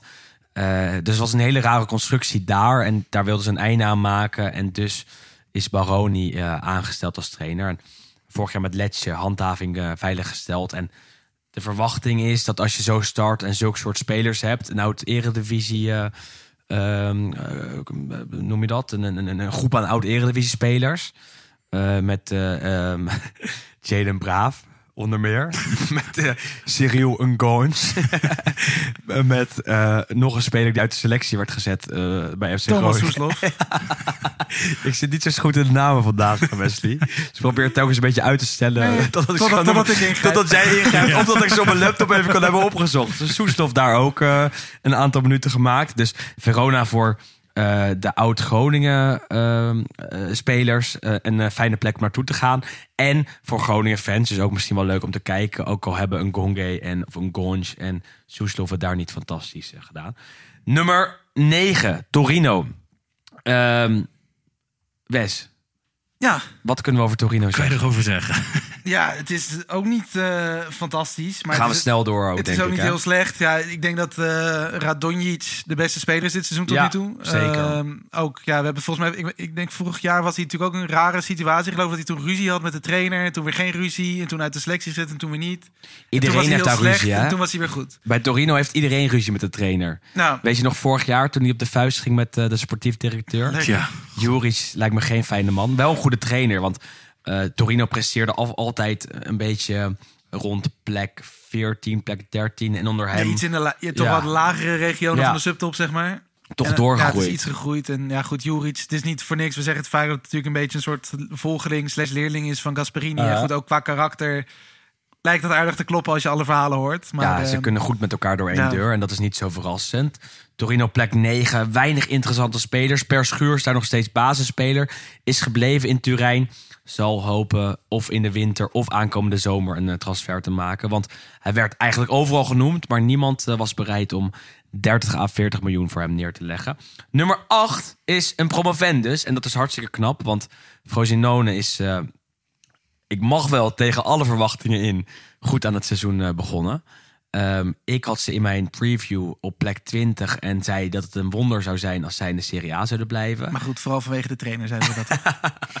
Eusebio Di Francesco. Hij heeft het goed op de rit, Wes. Het is niet verkeerd. Nee, het is echt een leuke ploeg. En ehm, hier is het inderdaad, denk ik... Nou goed, Haroui begon natuurlijk heel goed aan het seizoen. Was natuurlijk de eerste doelpuntenmaker van, eh, van deze jaargang uit de strafschop. En hij deed eh, de week daarna deed hij het nog een keer over. Geblesseerd nu, middenvoet Ja, dus dat, dat, is natuurlijk dat is jammer. Maar je ziet ook wel dat daar bij de aankopen over het algemeen een goed idee achter zit. Daar natuurlijk ook een, een, een voorzitter die echt wel een beetje ja, de oude garde is. Maar wel ook in durft te zetten op jonge spelers. En dus inderdaad hij dan wel misschien iets meer ehm, scout en kijkt bij de grotere clubs. Ze hebben wat is volgens mij drie spelers van Juventus gehuurd. Mhm. Eh, die in de basis start ook veel. Eh, een van de betere spelers in die wedstrijd dat hij heeft gespeeld. Baranetje op het middenveld. En ze hebben dan ook nog Caio Jorge gehuurd. Reinier, ook Reinier, gehuurd. wat natuurlijk een veel bijzonderder verhaal is. Want die werd natuurlijk ooit als soort van volgeling van Vinicius Junior Ja. en Rodrigo Gus Bizar. naar Real Madrid gehaald. Die speelt Nog dan niks in gespeeld. Frosinone. Nog niks gespeeld. Nee, dat is ja, jammer. het is eh, een leuke selectie in die zin. Alleen ja, de, De keeper. Ja, een keeper fantastische keeper. Dat sowieso, Ja, Stefano die heeft, eh, Ja. Kijk, het is niet zo dat ik elke week naar Frosinone heb gekeken, maar zeker wel de samenvattingjes en, en wat snippets op eh, X, voorheen Twitter. Ehm, en eh Turati heeft echt wel een aantal fantastische reddingen gemaakt. En ze echt wel een paar keer over de streep getrokken. En dat is wel mooi om te zien, vind ik. Want ook hij wordt gehuurd, is van Sassuolo. Ja. En dat betekent dat ze bij Sassuolo niet één, niet twee, maar drie hele goede keepers onder contract hebben staan. Eh Turati terecht eh, verhuurd. Maar goed, en dat is natuurlijk het enige wat je met zoveel huurspelers hebt. Je kunt niet echt bouwen. Het zal één jaar duren. het zal dit. inderdaad, als het dit jaar goed gaat, dan zijn die volgend jaar allemaal weg en dan stort het dan in. En het kan ook dit seizoen al eh, instorten. Ik bedoel, nu wel goed gepresteerd. Maar het kan ook zo zijn dat ze de volgende wedstrijden wel verliezen. Ook interessant dat zij een Ibrahimovic onder contract hebben staan. Dus toch nog een eh, Ibrahimovic in de Serie A dit jaar. Vind ik leuk. Ja, we konden eigenlijk niet zonder. Hè? Zo is het. Nummer 7, Napoli. Hè, hè? Ja, Vin, wat is er mis? Veel, denk ik. Ja, veel of weinig. Ik weet het niet. Ja, is Garcia het probleem? Is eh, de selectie het probleem? Er is nog moeilijke vinger op te leggen. Want plek 7 voor de landskampioen. Daarvan kan je toch wel zeggen dat het niet goed is, eh, Vin. Nee, verre van. Is dat de trainer dan toch wel? Is dat niet gewoon Garcia? Want oké, Spalletti vertrokken. Oké, Kim verkocht. Maar zoveel anders is die selectie verder niet. Nee, kijk, en eh, nou ja, in ieder geval meer dan de zevende plek zou je zeggen, Mhm. dat moet er wel in zitten. En ik denk dat er een aantal eh, factoren zijn die, die daaraan bijdragen, waarvan Garcia misschien wel de grootste is. Is die te laf? Ehm, ik weet niet of hij eh, te laf is, maar wat je heel sterk ziet, vind ik, bij Napoli, is dat hij de kleedkamer gewoon niet achter zich heeft. Nee. En eh, waar Spalletti een trainer is die spelers, zou je achteraf kunnen zeggen, echt boven hun kunnen heeft laten presteren. Want ja, als je nu naar de selectie of nu naar de spelers van Napoli kijkt, is dat echt geen schim van, eh, van vorig jaar. Terwijl Nee. je wel weet van het zit erin. Maar ja, Garcia heeft dat gewoon echt nog niet voor elkaar om, eh, eh, om die spelers goed, of in ieder geval een beetje in de top van hun kunde te laten presteren. Heel Eh, loom is het, lijkt het. Het is loom. In principe staat het helemaal niet heel veel anders dan vorig jaar. Maar het is loom. Het is niet dynamisch. Waar je bij Spalletti echt wisselingen van positie eigenlijk constant zag gebeuren. Is dat bij Garcia niet het geval. En de wissels, ja, hij doet gewoon, hij doet domme, nou niet dom, hij doet gewoon rare dingen. Ja. Vooral met de wissels inderdaad. W- wat was het vorige week tegen Genoa? Ja. Haalde die uh, Kvaratskhelia eruit voor Zerbin. Terwijl 2-2 2-2. was de stand toen.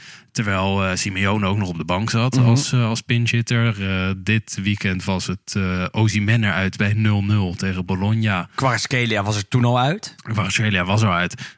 Die ook eh, zeg maar het niveau van vorig jaar niet aantikt. Maar ja, een Kvaratskhelia en Ozyman zou je toch zeggen... die laat je altijd, altijd staan. Maar, we goed. moeten wel zeggen, Kvaratskhelia heeft zijn laatste doelpunt gescoord op 19 maart. Ja. En dat is echt maanden geleden. Ja. Is op dit moment eh, een beetje wat ik net over Leao zei. Hij is gewoon. Heel veel vuur, of heel veel rook, heel weinig vuur. Ja. Want qua rendement komt er niks uit. Nee, hij, hij, is, hij, is, hij is goed te bespelen nu. Ja. Is hij voorspelbaar geworden? Ja, goed, dat is natuurlijk een beetje de angst met dit soort spelers. En je hoopt in ieder geval op basis van vorig seizoen dat het juist iemand was die dat zou kunnen, ja, een beetje vermijden dat iemand op hem zich eh, zou kunnen inspelen. Omdat hij toen natuurlijk zo.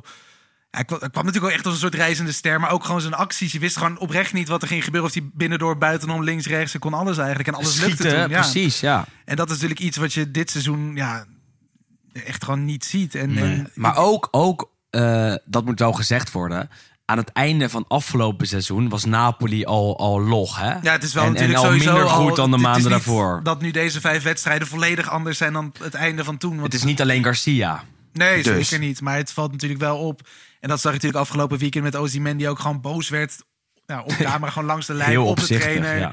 Daar Ja. zijn het is natuurlijk ook wel excuses en dat soort dingen allemaal voor gemaakt. Maar je ziet wel echt dat daar toch weer een beetje dat... Ja, er, er broeit weer iets, zeg maar, wat eigenlijk onder Spalletti heel mooi... Ja, op die Kijk, filosofische, poëtische wijze... zo soort van in een soort... Ja, Wat, wat, wat wij vorig jaar zeiden. Spalletti was een gekke trainer bij een gekke club. Vervolgens gaat Spalletti weg. Hou je Garcia. Garcia is geen gekke trainer. Gar- Garcia is een hele rustige man bij een gekke club. Is een misfit. Vind ik serieus. En kijk, het zou een goede fit kunnen zijn. Maar ehm, je ziet dat eh, Napoli is zo'n emotionele plek. Waar er ook al heel veel, in ieder geval qua sentiment, wordt bepaald. op basis van wat er in de zomer gebeurt. Ja, Spalletti gaat weg. Er eh, komen verhalen over een eh, eh, opvolger van Kim die uit Frankrijk gehaald moet worden, Danzo. Er komen verhalen over Gabri Vega natuurlijk, toptalent uit Spanje die zou moeten komen. Er zijn allerlei verhalen over ging naar hartstikke... Saudi-Arabië. Die ging naar Saudi-Arabië. Er zijn allerlei verhalen over hartstikke aansprekende trainers die het stoeltje van Spalletti op zouden moeten vullen. Uit het niks is Garcia er, hebben ze eh, Lindström gehaald. En kijk, eh Napolitanen houden van om te weten waar ze aan toe zijn. En als er één club is waar je nooit weet waar je aan toe bent, Ja. is het Napoli. En Ja. dat is ook een deel van ja, het karakter of ook de arrogantie van de Laurentis, denk ik. Om alles altijd op zijn manier te doen. Maar ja, daar beuk je gewoon het zelfvertrouwen weer gelijk helemaal de grond mee in. Nee, je ziet ook denk ik wel wat je de laat. Het is ook niet voor niets dat vier dat we nu de laatste vier seizoenen vier verschillende kampioenen hebben gehad. Het is gewoon echt heel moeilijk ook om, zeker op het moment dat een trainer ja, weggaat, wat je ook bij alle ploegen zag, behalve dan bij Pioli die zou blijven zitten. Dat het gewoon heel moeilijk is om een soort van het niveau vast te houden van het jaar daarvoor en diezelfde winnende mentaliteit vast te houden. Wat het eigenlijk heel knap maakt, ook niet alleen in Italië bij Juve bijvoorbeeld, dat die natuurlijk wat was negen keer op rij, maar ook bijvoorbeeld bij een Bayern München of bij een City nu. je ziet echt, het is echt heel moeilijk om ja, dat kampioensgevoel vast te houden en dat gewoon echt te prolongeren. Wat te je- prolongeren en te Zeker. prolongeren. Ja. Wat, wat je bij Milan en bij Napoli eh, zag, eh, de afgelopen twee jaar, dus dat ze allebei kampioen werden, eh, was dat ehm, ze 120% goed konden presteren. Ze waren echt heel goed, maar misschien wat te goed. Misschien wat, wat, wat te goed voor wat ze daadwerkelijk waren. Precies, het is gewoon Ehm, niet realistisch om dat te herhalen. Exact, exact. En die verwachtingen werden hoger, hoger, hoger. Die konden ze waarmaken. Bij Milan eh, eh, zag je dat in die laatste streak richting de titel. Waarbij ze alles wonnen en boven zichzelf uit eh, wisten te stijgen. En dat zag je ook bij Napoli. die echt heel goed waren vorig jaar. Begrijp me niet verkeerd, beter dan iedereen. En dat was Milan ook het jaar daarvoor. Maar misschien wat, wat te goed voor, voor hoe ze echt waren. Want ehm Kvaratskhelia was er ineens. En daar kan je niet van verwachten dat, dat hij altijd Quaradonna zou zijn eh, bij Napoli. En dat zie je bij meer spelers. Want ook achterin was Mario Rubbi vorig jaar heel goed. Dit jaar wat minder. Nou, ik noem, noem maar een random naam hoor. Maar eh, dat zie je bij heel veel spelers bij Napoli. Dat het dit jaar gewoon net niet die 120% is. En ook niet 100, maar misschien 90. En dan ga je wel inderdaad eh, weer die oude uitslagen krijgen. Dat je een keer verliest van, eh van Lazio. Oké, gebeurde vorig jaar ook. Maar ook gelijk gespeeld tegen Genoa en tegen Bologna. Ja. Het percentage is teruggeschroefd. En dat is jammer. eh, voor jou vooral. Eh, en jammer voor alle Napolitanen. Ehm, en jammer voor ons, want we kunnen niet meer genieten van de Quaradonna van afgelopen eh, seizoen. Nee. Voorlopig. Nou ja, goed. Het zou gewoon zo zonde zijn als je weer 33 jaar moet wachten. Nee, dat hoop ik niet voor je, precies. Kijk, maar willen zit je. gewoon niet in het DNA Nee, van Napoli. Zoals zo. het bij Juve er wel is. En bij Milan en Inter ook in wat mindere mate, denk ik. Maar ja. ja, kijk, eigenlijk in hindsight kon je het al op een blaadje uittekenen van... eh, Napoli kan niet jaren achter elkaar eh, kampioen worden. Gewoon echt no way. En Er hoeft maar dit te gebeuren en het, stort het Maar, stort maar, in elkaar, ja. maar nog, nog, nog wel vroeg, en dat hebben we al eerder gezegd, vijf speelrondes. We kunnen nog niet zeggen dat Napoli geen kampioen wordt. Maar het begin is slecht. En Nou, dat goed, en ook al- ja. Ze zitten ook nog niet op het punt waarvan ik zou zeggen... nou, van een vier gaat het weer beter. Ja, ik denk dat het nog echt een paar wedstrijden er Ja. nog heel lastig gaan worden. en dat maakt het natuurlijk wel gek, want je ziet natuurlijk wel bij Napoli inderdaad wat je zegt. Er is eigenlijk heel weinig veranderd Ja. aan de spelers. En Ja. dat zie je natuurlijk nog wel regelmatig bij de kampioensploegen. Dat natuurlijk spelers vertrekken of dat ze inderdaad na een een bepaalde periode zeggen van... hé, ik ga iets anders doen. Maar het is gewoon praktisch hetzelfde En dan zou je het misschien Ja. ergens aan kunnen wijten, weet je wel. Als er drie spelers weg zijn. Maar ja, nu is het eigenlijk hetzelfde en toch lukt het niet. Maar het is ook die, die bubbel, wat ik zeg. De- de- die bubbel van vorig jaar. Eh, ja. die, werd, die werd opgepompt, opgepompt. Die titel, die derde Scudetto gaan we pakken. En dat werd opgepompt en opgepompt. En daardoor werden ze ook steeds beter. En die bubbel heb je nu niet. Of Nee. niet te pakken. Want je hebt de trainer niet om dat op te pompen. Je hebt dat gevoel een stuk minder, denk ik. Ook al zou het alsnog fantastisch zijn voor Napels en voor Napoli als ze kampioen worden. Het is altijd minder belangrijk dan afgelopen jaar. En die bubbel kan daar niet worden eh, opgepompt. Eh, we moeten even door, want we, we gaan een hele lange podcast maken. Maar dat mag, dat mag. Want we zijn er maar één keer per maand dit jaar. Eh, Atalanta, plek 6. Atalanta op plek 6 is niet heel verrassend, zou ik zeggen. Ze hebben daar wel eh, gehoopt eh, om ehm, ehm, met die investeringen te kunnen groeien. Dat hopen ze nog steeds. Alleen eh, tot nu toe is het toch wel wat wisselvallig, zou ik zeggen. Atalanta eh, op plek 6 eh, is niet iets wat hun ambities ehm, kan, tevreden kan stellen, zeg maar. Nee, dat denk ik niet. Maar toch, ja, Ja, god, het is normaal. het is normaal. Hoe is het met de kettelaar? De kettelaar. Ja. De grinta die de kettelaar... Geweldig, hè? Wat was Dat was toen? mijn hoogtepunt van afgelopen maand, jongens. Niet de Het goal van social media filmpje van Atalanta. Nou, die van Milan zijn nog slechter op TikTok. Ehm, Obi-Wan. Ja, nou? precies. Ook Oh, voor. oh, Okawan. Ehm, wat kunnen we zeggen bij Atalanta, behalve dat het daar ehm, dus wel aardig gaat? Mitchell Bakker misschien even benoemen? Ja, nou goed, hier, ik denk het grootste verhaal, ja, weer, is de trainer. Ja, En vooral de verhalen Ah, ja. over de trainer. Absoluut. Ja, en dan een vooral de, ja, de, de hele negatieve dingen. En, ja. ehm, ja, Gasperini staat natuurlijk al bekend als een gigantische zurkhuis. Op het moment dat er iets verkeerd gebeurt, schiet hij in een soort slachtofferrol. En zie je hem ook niet meer, dan komt hij opeens niet meer praten. Ehm, en ja, goed, dat is een beetje wat je soort van meekrijgt. Gewoon puur wat je nu ziet. Alleen met spelers die nu zijn vertrokken. Bijvoorbeeld met een Joachim Melen. Mhm. Ehm, Demiral. hele rare verhaal dat hij inderdaad echt als een soort dictator door die club stampt. En alles eist en overal altijd boos om is en niks mag. En echt een soort, ja, letterlijk een soort dictatuur. Ehm, kan ik me op zich ook wel voorstellen dat je als speler daar niet heel gelukkig van wordt. En dat er dus ook ehm, ja, misschien op de hele korte termijn gepresteerd wordt.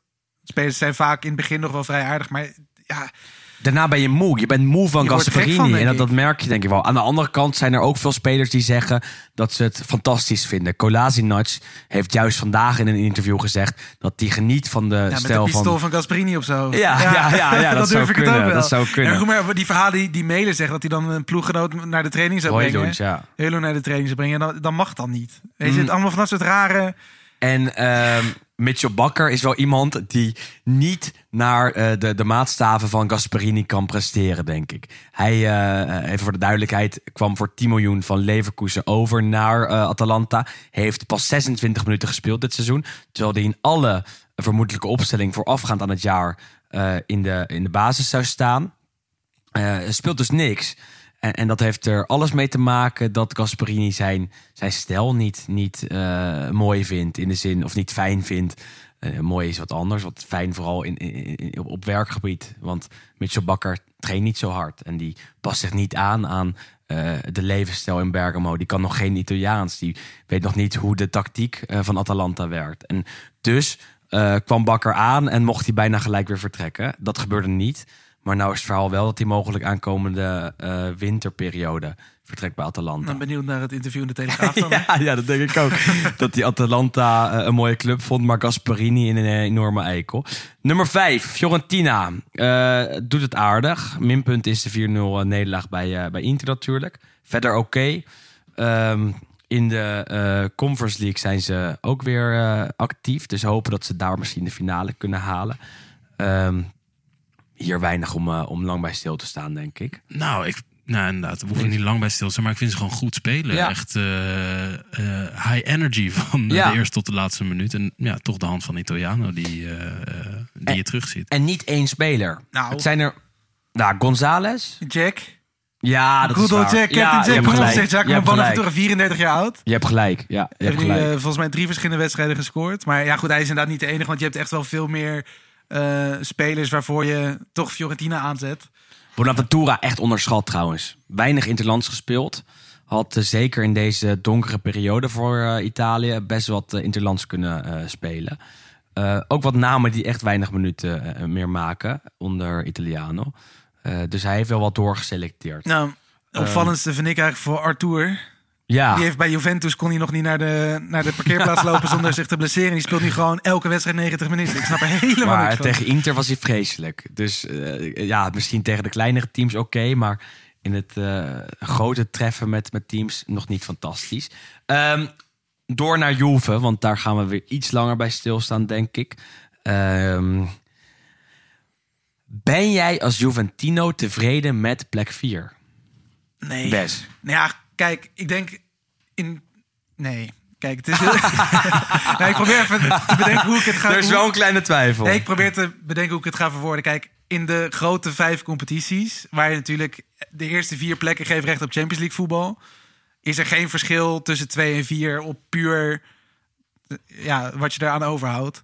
Ehm, goed, je moet natuurlijk als Juventus zijn, dan moet je kampioen worden. Alleen ik vind het niet realistisch op basis van de afgelopen seizoenen dat dat het is. Dus is het vervolg van een Champions League ticket en dan is dus de top 4 voldoende. Eens. En ik denk dat dat, tenminste, ik mag hopen dat Allegri dat bedoelt. Van zolang we in de top 4 eindigen, is het goed. Want een vierde plek, ja, goed, daar staan ze dan nu. Maar ja, dat. Mijn gevoel bij de persconferenties is altijd... Juve is Juve.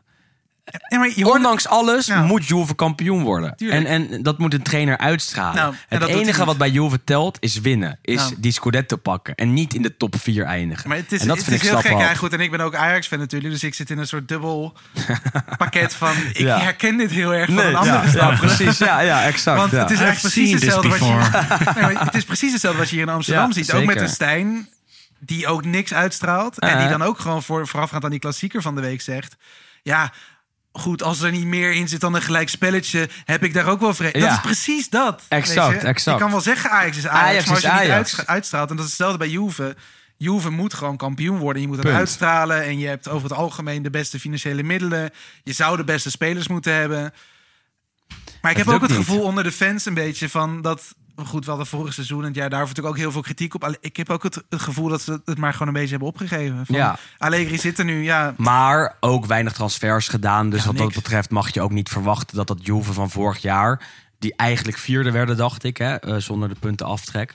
ehm, dat zij ineens wel een Scudetto-kandidaat zouden zijn. Want Nou ja, eigenlijk het enige verschil qua aankopen is natuurlijk dat WA is gekomen. Maar die Ja. heeft ook nog geen onuitwisbare indruk Nee. gemaakt. En dan in de trainerstaf hebben ze Magnanelli, dus eh oud Sassuolo, Sassuolo, die ja. daar heeft getraind onder de Zerbi. Zie je iets wat veranderingen qua tactiek. Dat ze iets meer lijken te durven voetballen en wat meer vooruit durven te spelen. Maar goed, ja, of dat echt alleen aan hem ligt, dat weet je ook niet. En Vlaovic en de Chiesa doen het aardig. Allebei Ja, het is ook zeker. Kijk, een vierde plek na vijf wedstrijden is ook zeker niet slecht. Alleen je hebt nu vooral de ja, nare nasmaak van afgelopen weekend dat je met 4-2 Ja. verliest van Sassuolo, wat natuurlijk niet mag gebeuren. Maar tegen Lazio de week daarvoor waren ze echt heel Fantastische overtuigend. goal van Gatti trouwens. Eigen De goal van het weekend. Van het jaar. Misschien wel de mooiste goal van het seizoen tot nu toe. Eh, nee, dat was, dat was een bizarre eigen Dat was, dat was heel raar. Ja, gewoon alles ging daar weer mis. En het, een, ja, het positieve, denk ik, wat, wat je dit seizoen ziet, is dat de spelers die eigenlijk moesten vertrekken, of tenminste wat in ieder geval in de media werd gezegd, Chiesa en Vlaovic, eigenlijk allebei het goed doen tot nu toe. McKennie eigenlijk ook wel, McKennie toch? doet het ook goed. Ja. Maar over het algemeen heb je kant- dit jaar toch wel een iets beter gevoel dan ja, vorig jaar. Maar ook omdat je weet dat er nu geen gekke externe dingen zijn. Dus Nog dat- niet. Nog niet. Nou ja, precies. Dus dat je je voorlopig... Ja, maar dat je je voorlopig nog kan richten op het voetbal. Sa maar- mai. Nee, maar goed, ja. Het, het, Nee, ja, ik bedoel, zo is Pogba het, kwam ja. ook al natuurlijk alweer met het hele Ja, dopingverhaal nee, ja, daaromheen. precies. Dus dat er is natuurlijk al- wel. Er is ja. alweer wat. Er is al wel wat. Ja, Er je is zou Pogba bijna vergeten. Pogba geschorst vanwege Pogba moet het het niet mogen hebben. Nee. Nee, ja, goed, kijk, dus ik heb er in die zin wel een iets positiever gevoel over. Ook je, misschien juist vanwege het feit dat je geen Europees voetbal speelt en je concurrenten in die zin wel. Ja. Dat je toch wat meer tijd hebt om je voor te bereiden. Alleen ja, goed, als het dan nu inderdaad tegen Sassuolo alweer, als je er vier tegen krijgt. Dan ja. ben je geen Scudetto-kandidaat. Nee. Nee. Eh, en dan laat je dat Maar goed, ja, om je vraag te beantwoorden, 2, 3, 4. Goed, als je die Champions League ticket maar pakt. is belangrijk in Italië, precies. En dan, eh, dan is het voor Juve eh, al goed. Zeker na deze transferperiode dus. Ehm, plek 3 wordt prachtig ingeleid door een column van Juriaan van Wessel. La settimana di Giorgio. Ben je wel eens in Letje geweest? vroeg de eindredacteur van La Gazzetta dello Sport aan me in het voorjaar van 1985. Die vraag aan me stellen was hem eigenlijk ook beantwoorden. Letje, dat was op de redactie in Milaan echt het andere eind van het land. Zelfs Amsterdam lag dichter bij Milaan dan Letje. Die eindredacteur kwam uit Letje en was trots omdat de club van zijn stad op het punt stond om voor de eerste keer te promoveren naar de Serie A. Als dat zou gebeuren moest ik er zeker een keer heen, verzekerde hij me. Na die promotie werd binnen drie maanden een nieuw stadion uit de grond gestampt. Zo'n betonnen bak die werd gebouwd door de eigenaar van Ascoli. Om het afgelegen plaatsje de indruk te geven dat het nu echt bij Italië hoorde, speelde de Squadra Azzurra, de regerend wereldkampioen op dat moment, in september van het jaar een officiële interland in die nieuwe arena. Lecce dus. Het Florence van Apulië. En daar kwam ik bij mijn eerste bezoek aan de stad meteen achter. Een heerlijke stad. Met veel mooie kerken en andere barokke uitdrukkingen. Maar ook veel straten met hoge muren waar je makkelijk kon verdwalen en ook nog een prachtig gelegen Romeins theater. Het was wel een echte provinciestad in het diepe zuiden, de hak van de laars. Ik pakte de nachttrein en viel bij Bologna in slaap om de volgende ochtend in een andere wereld wakker te worden, ergens tussen Foggia en Bari. In Bari stond de trein een kwartier stil en kon ik bij de kiosk op het perron snel de krant kopen met het verslag van de wedstrijd waar ik de vorige middag nog bij was geweest en met spoed het stadion had verlaten om deze trein te halen. Iedereen op de perstribune wenste me een goede reis. Want ik ging helemaal naar Letje, alsof ik op safari ging. Apulië was toen nog helemaal niet bekend als toeristische attractie. En dus Letje ook niet. De voetbalclub degradeerde binnen een jaar, ondanks de aanwezigheid van de wereldkampioenen Franco Causio en Pablo Pasculi in de selectie. Maar keerde een jaar later terug en wist zich toen wel te handhaven onder leiding van de onlangs overleden Carlo Mazzone. De club kende daarna een echte terugval van twee seizoenen naar de Serie C, om meteen binnen twee jaar weer terug te keren in de Serie A onder trainer Giampiero Ventura. De mooiste periode van de club was rond 2004, toen Lecce twee seizoenen achter elkaar stevig in de middenmoot meedeed en stiekem nog verder omhoog mocht kijken, dankzij talenten als Chevanton, Bozinov en Fujinic en met de trainers Delio Rossi en Zenek Zeeman.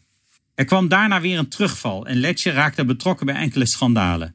Maar vanaf 2017 draait de club weer volop mee, onder voorzitter Saverio Sticky Damiani. Die met een paar lokale ondernemers de club heeft gered en sindsdien voor een opvallend sterke opmars heeft gezorgd vanuit de Serie C, die uiteindelijk heeft geleid tot het hoogtij van de afgelopen maand. Dat is gebeurd met geduld en vooral met een goed financieel beleid onder leiding van directeur Pantaleo Corvino, die in 2020 terugkeerde bij de club. Lecce is nu echt de sana provincia van het Italiaanse voetbal en kan met gerust hart beginnen aan de wedstrijden tegen Juventus en Napoli, toch wel de echte krakers van deze week. 40 jaar geleden leerde ik Lecce kennen vanwege een dramatisch bericht dat toen wel paste bij het diepe zuiden. Lecce speelde toen nog anoniem in de Serie B. Voor een uitwedstrijd bij Varese, aan de andere kant van het land, stierf de toen 36-jarige verdediger Michele Lorusso, nog altijd de speler met de meeste wedstrijden in het eerste van Lecce, met zijn ploeggenoot Ciro Pezzella bij een verkeersongeluk op de tweebaanse weg van Lecce naar Bari. Ze moesten daar de nachttrein pakken, want ze hadden allebei last van vliegangst. Ze zouden zich de volgende ochtend bij de ploeg melden in het hotel in Varese. De twee voetballers werden op slag gedood. Maar hun identiteit werd pas duidelijk toen ze niet in Milano Centrale uit de trein stapten, waar de teammanager op hen wachtte. Heel Italië leefde dagen mee met Lecce, dat aan het eind van het seizoen de promotie naar de Serie A op een haar zou missen ten faveur van drie clubs uit Lombardije. Toen leek de Mezzogiorno nog gedoemd om altijd te verliezen. Maar die tijd hoort nu tot het verleden.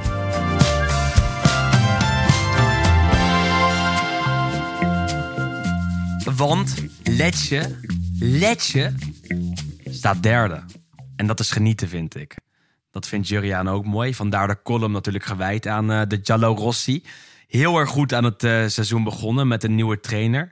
Dan Versa in, Baroni oud. Die eh, vertrok naar Verona, wilde niet blijven aan het Via del Mare. Dan Versa, oud Parma-trainer, kwam eh, eh, naar eh, Apulia toe en traint Lecce dit jaar. En doet het tot nu toe hartstikke goed, want ze verloren nog niet.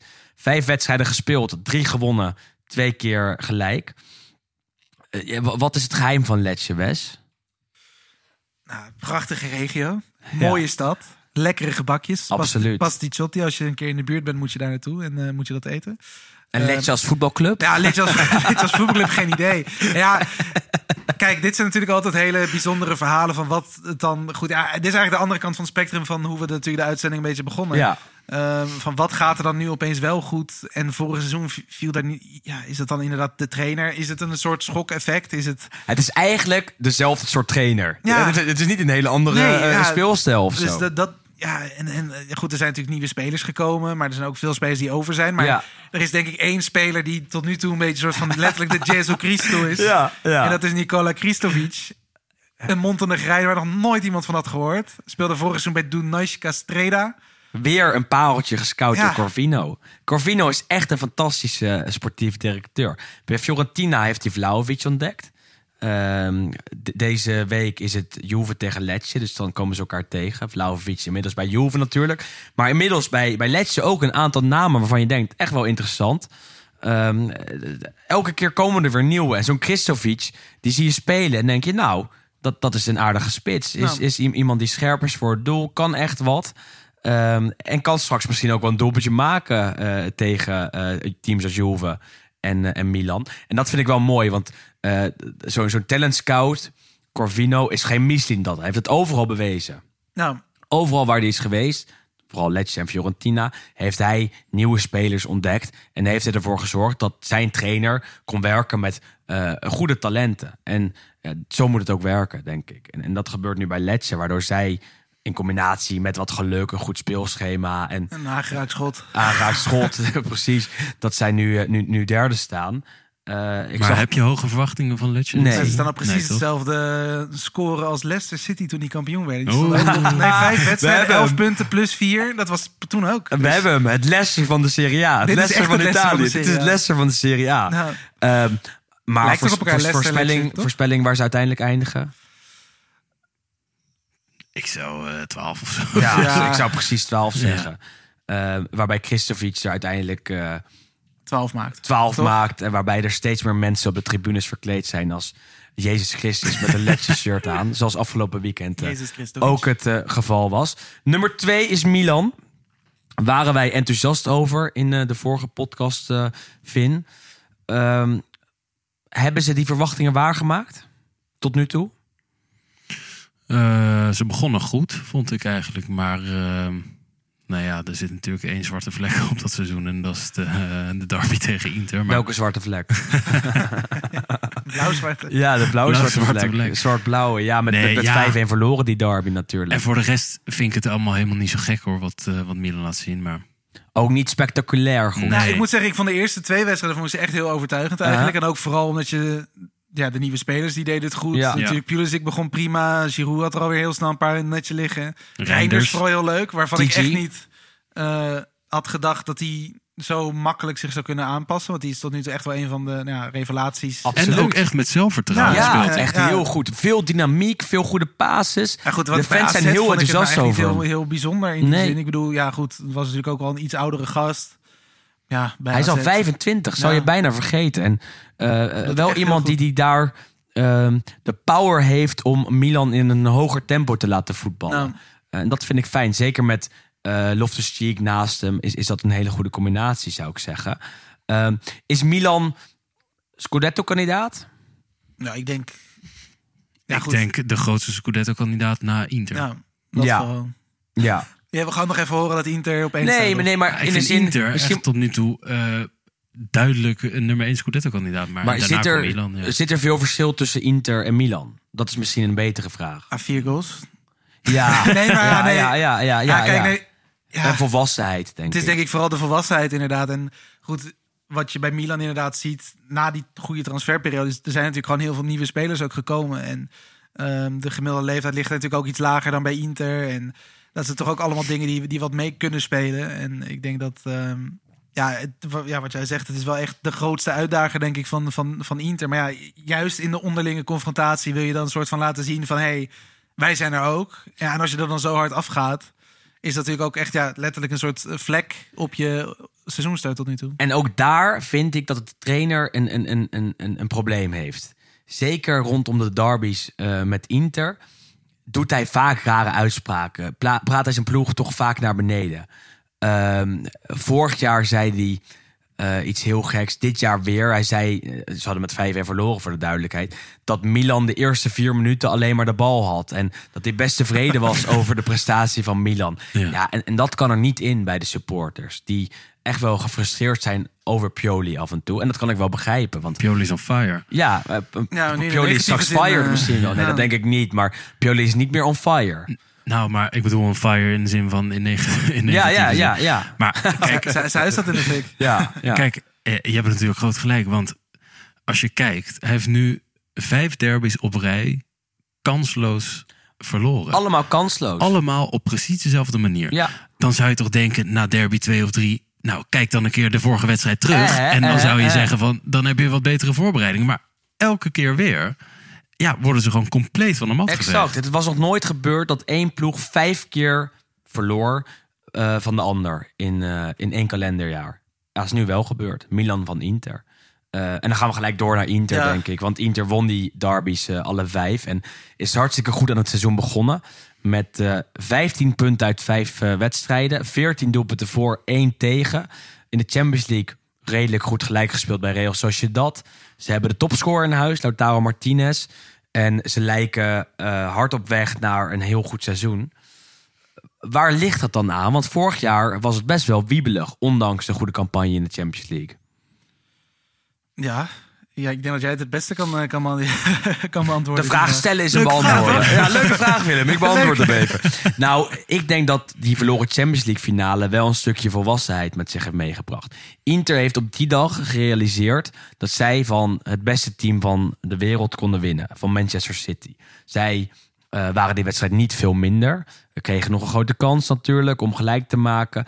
En ik denk dat die wedstrijd, ondanks dat het een nederlaag was, bij veel spelers van Inter, die zijn gebleven, ervoor heeft gezorgd dat zij eh, realiseren hoe goed ze zijn en op welke manier ze goed kunnen zijn. Waar het vorig jaar vaak mentaal misging, gaat het dit jaar vaak mentaal goed. Ehm, vorig jaar verloren ze thuis van Monza en van Fiorentina. Dit jaar allebei redelijk overtuigend gewonnen. Eh, vorig jaar hadden ze zo'n wedstrijd als tegen Empoli gelijk gespeeld of verloren. Dit jaar winnen ze die met 0-1. Dus er is wat veranderd in het menta- mentale aspect van dit Inter, zou ik zeggen. Ja. Eh, daarnaast is het ook op voetbalgebied gewoon een stukje beter. Want we hebben het net al even over Turam. En Turam is iemand die het elftal beter laat, laat draaien. Voor de rest is er weinig veranderd bij Inter, zou ik zeggen. Nee, maar ik vind als je ook puur naar de selectie, eh, naar de spelers zelf kijkt, is het denk ik nu wel de beste selectie van Ja. de Serie A. En ook de selectie met spelers die het minst snel door het ijs zouden zakken.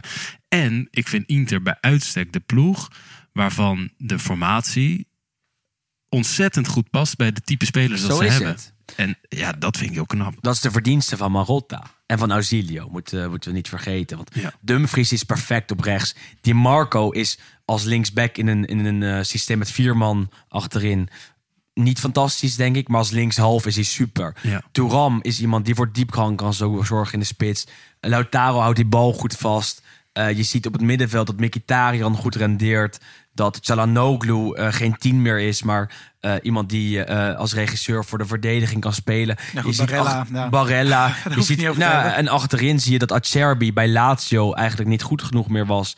Maar bij Inter met drie man achterop ook toch wel nog steeds iets kan. En eh, ja, dat, Goeie dat, keeper ook, Goeie, toch? Sommer, Ja. Sommer is een goede vervanger van Onana. Ik denk als je puur nu het begin van het seizoen ziet, dan denk je dat je blij mag zijn dat je Sommer en niet Onana hebt. Eh ja, ja, het vertekent allemaal een beetje, het maar ik vertekent, bedoel, maar- het is wel grappig om te zien hoe ja, het kan verkeren ook. het klopt gewoon bij Inter. En dat is de afgelopen eh, jaren. de, de afgelopen jaren is daaraan gewerkt. Ehm, en ik denk dat dit het beste Inter is dat ik in tijden heb gezien. Oké, het Scudetto-jaar waren ze ook heel erg goed.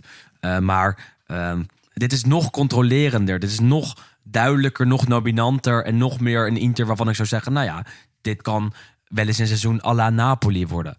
Heel erg voorbarig. Maar als je kijkt naar het speelschema, dan zie je dat Inter de komende weken best wel wat tegenstanders heeft waarvan ze kunnen winnen. Sassuolo thuis, Salernitana uit, eh, Bologna thuis, Torino uit. Het zijn allemaal wedstrijden die dit Inter moet kunnen winnen, stuk voor stuk. En dan ga je Ik gat hoop kunnen het creëren. niet, zeg maar. Niet omdat ik het jou niet gun. Nee. Maar het zou zonde zijn als we weer één eh, wegsprinter hebben in de Serie A.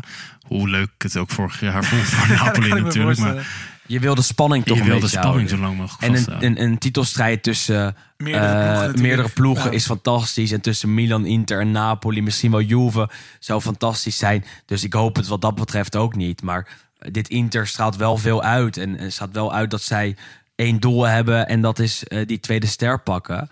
Eh, die tweede ster.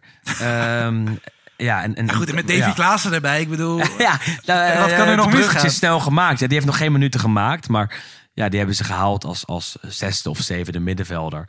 Op een eh, ja, belachelijke manier, zou ik zeggen. Want eh, Roberto Pereira was op dat moment ook nog transfervrij. Ze probeerden eh, hem niet te halen, maar hebben uiteindelijk Klaassen binnengehengeld. En die heeft nog geen minuten gemaakt. Dus we mogen er niet over klagen.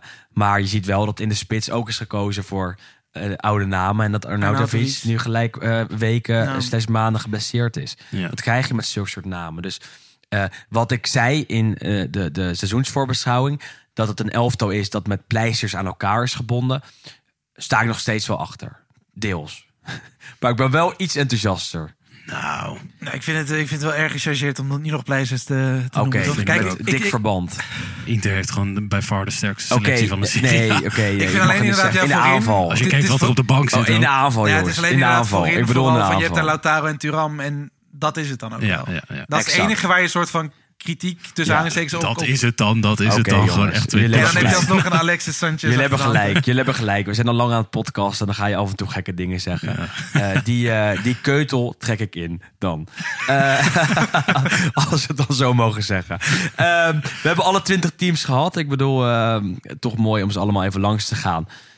140 Een hele- minuten verder. Hele lange, goede podcast is dit Ja, tegen de tijd dat we de volgende podcast op gaan nemen, heb je deze net uit, Ja, zo is het. Maar dat, dat, dat, dat willen de mensen ook. Vorig jaar waren we er voor sommigen nog elke week. Dit als de mensen dat willen, dan doen wij maand. dat natuurlijk, Exact. hè? Wij, eh, wij leveren wat zij vragen. Ehm, we hadden wat luisteraarvragen. Die hebben we wel verwerkt in eh, de podcast zelf. Toch leuk eh, om dat nog te zien. En blijf dat doen, want het is juist voor ons leuke input... om te kunnen verwerken in onze podcast. Dat zag je eh, nu terug in de podcast zelf. Ik bedoel, Maarten met een, eh, met een goede vraag. Ik zag wat vragen op, eh, op Telegram. Ik zag wat vragen op, op Instagram... waarbij ze stuk voor stuk vroegen wat er toch met Lukaku aan de hand is. In de zin, gaat hij het goed daar doen in Rome? Wat is er toch met, met Napoli aan de hand? Van Termote 97. Laurens Nizet vraagt, haalt Napoli Europees voetbal? Oei, oei. Nou, dat zou toch wel moeten gaan gebeuren. En ehm, nou ja, dat was het wel zo'n beetje. Of Letje op langere termijn kan stunten, wordt ook nog gevraagd. Hebben we Het eigenlijk al nee. beantwoord. Ehm, ik. van eh, S. de Lage. S. punten laag. Ja, zijn voornaam kan ik niet zo snel zien.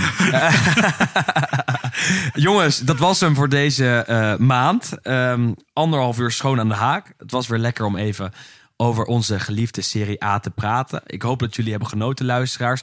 Heb je dat of heb je dat niet? Laat het vooral even weten op Twitter, Instagram of op onze Vriend van de Show pagina. We zijn overal te bereiken. Je kan, als je vriend van de show bent, ook lid van onze Telegram ehm, groep worden. En door vriend van de show te zijn, het kan niet vaak genoeg worden benadrukt, steun je ons gewoon heel erg in het blijven maken van deze podcast. Dat is 2,50 euro per maand. Daar krijg je een paar kleine extra's voor terug. Dat mag geen naam hebben, maar het helpt ons vooral om die podcast, eh, podcasts te blijven maken en er elke maand eh, te zijn. En eh, dat is wat betreft de montage, maar ook wat betreft de plek waar we zitten bijvoorbeeld. Ehm, Dit is Super Luxe Italiaanse restaurant. ja, is het. Dat wilde je Zit gewoon met De keukentafel. Doe normaal, man. Nee, maar ze begrijpen wat ik bedoel. Jongens, bedankt en eh alla prossima. À la prossima. Tot de volgende.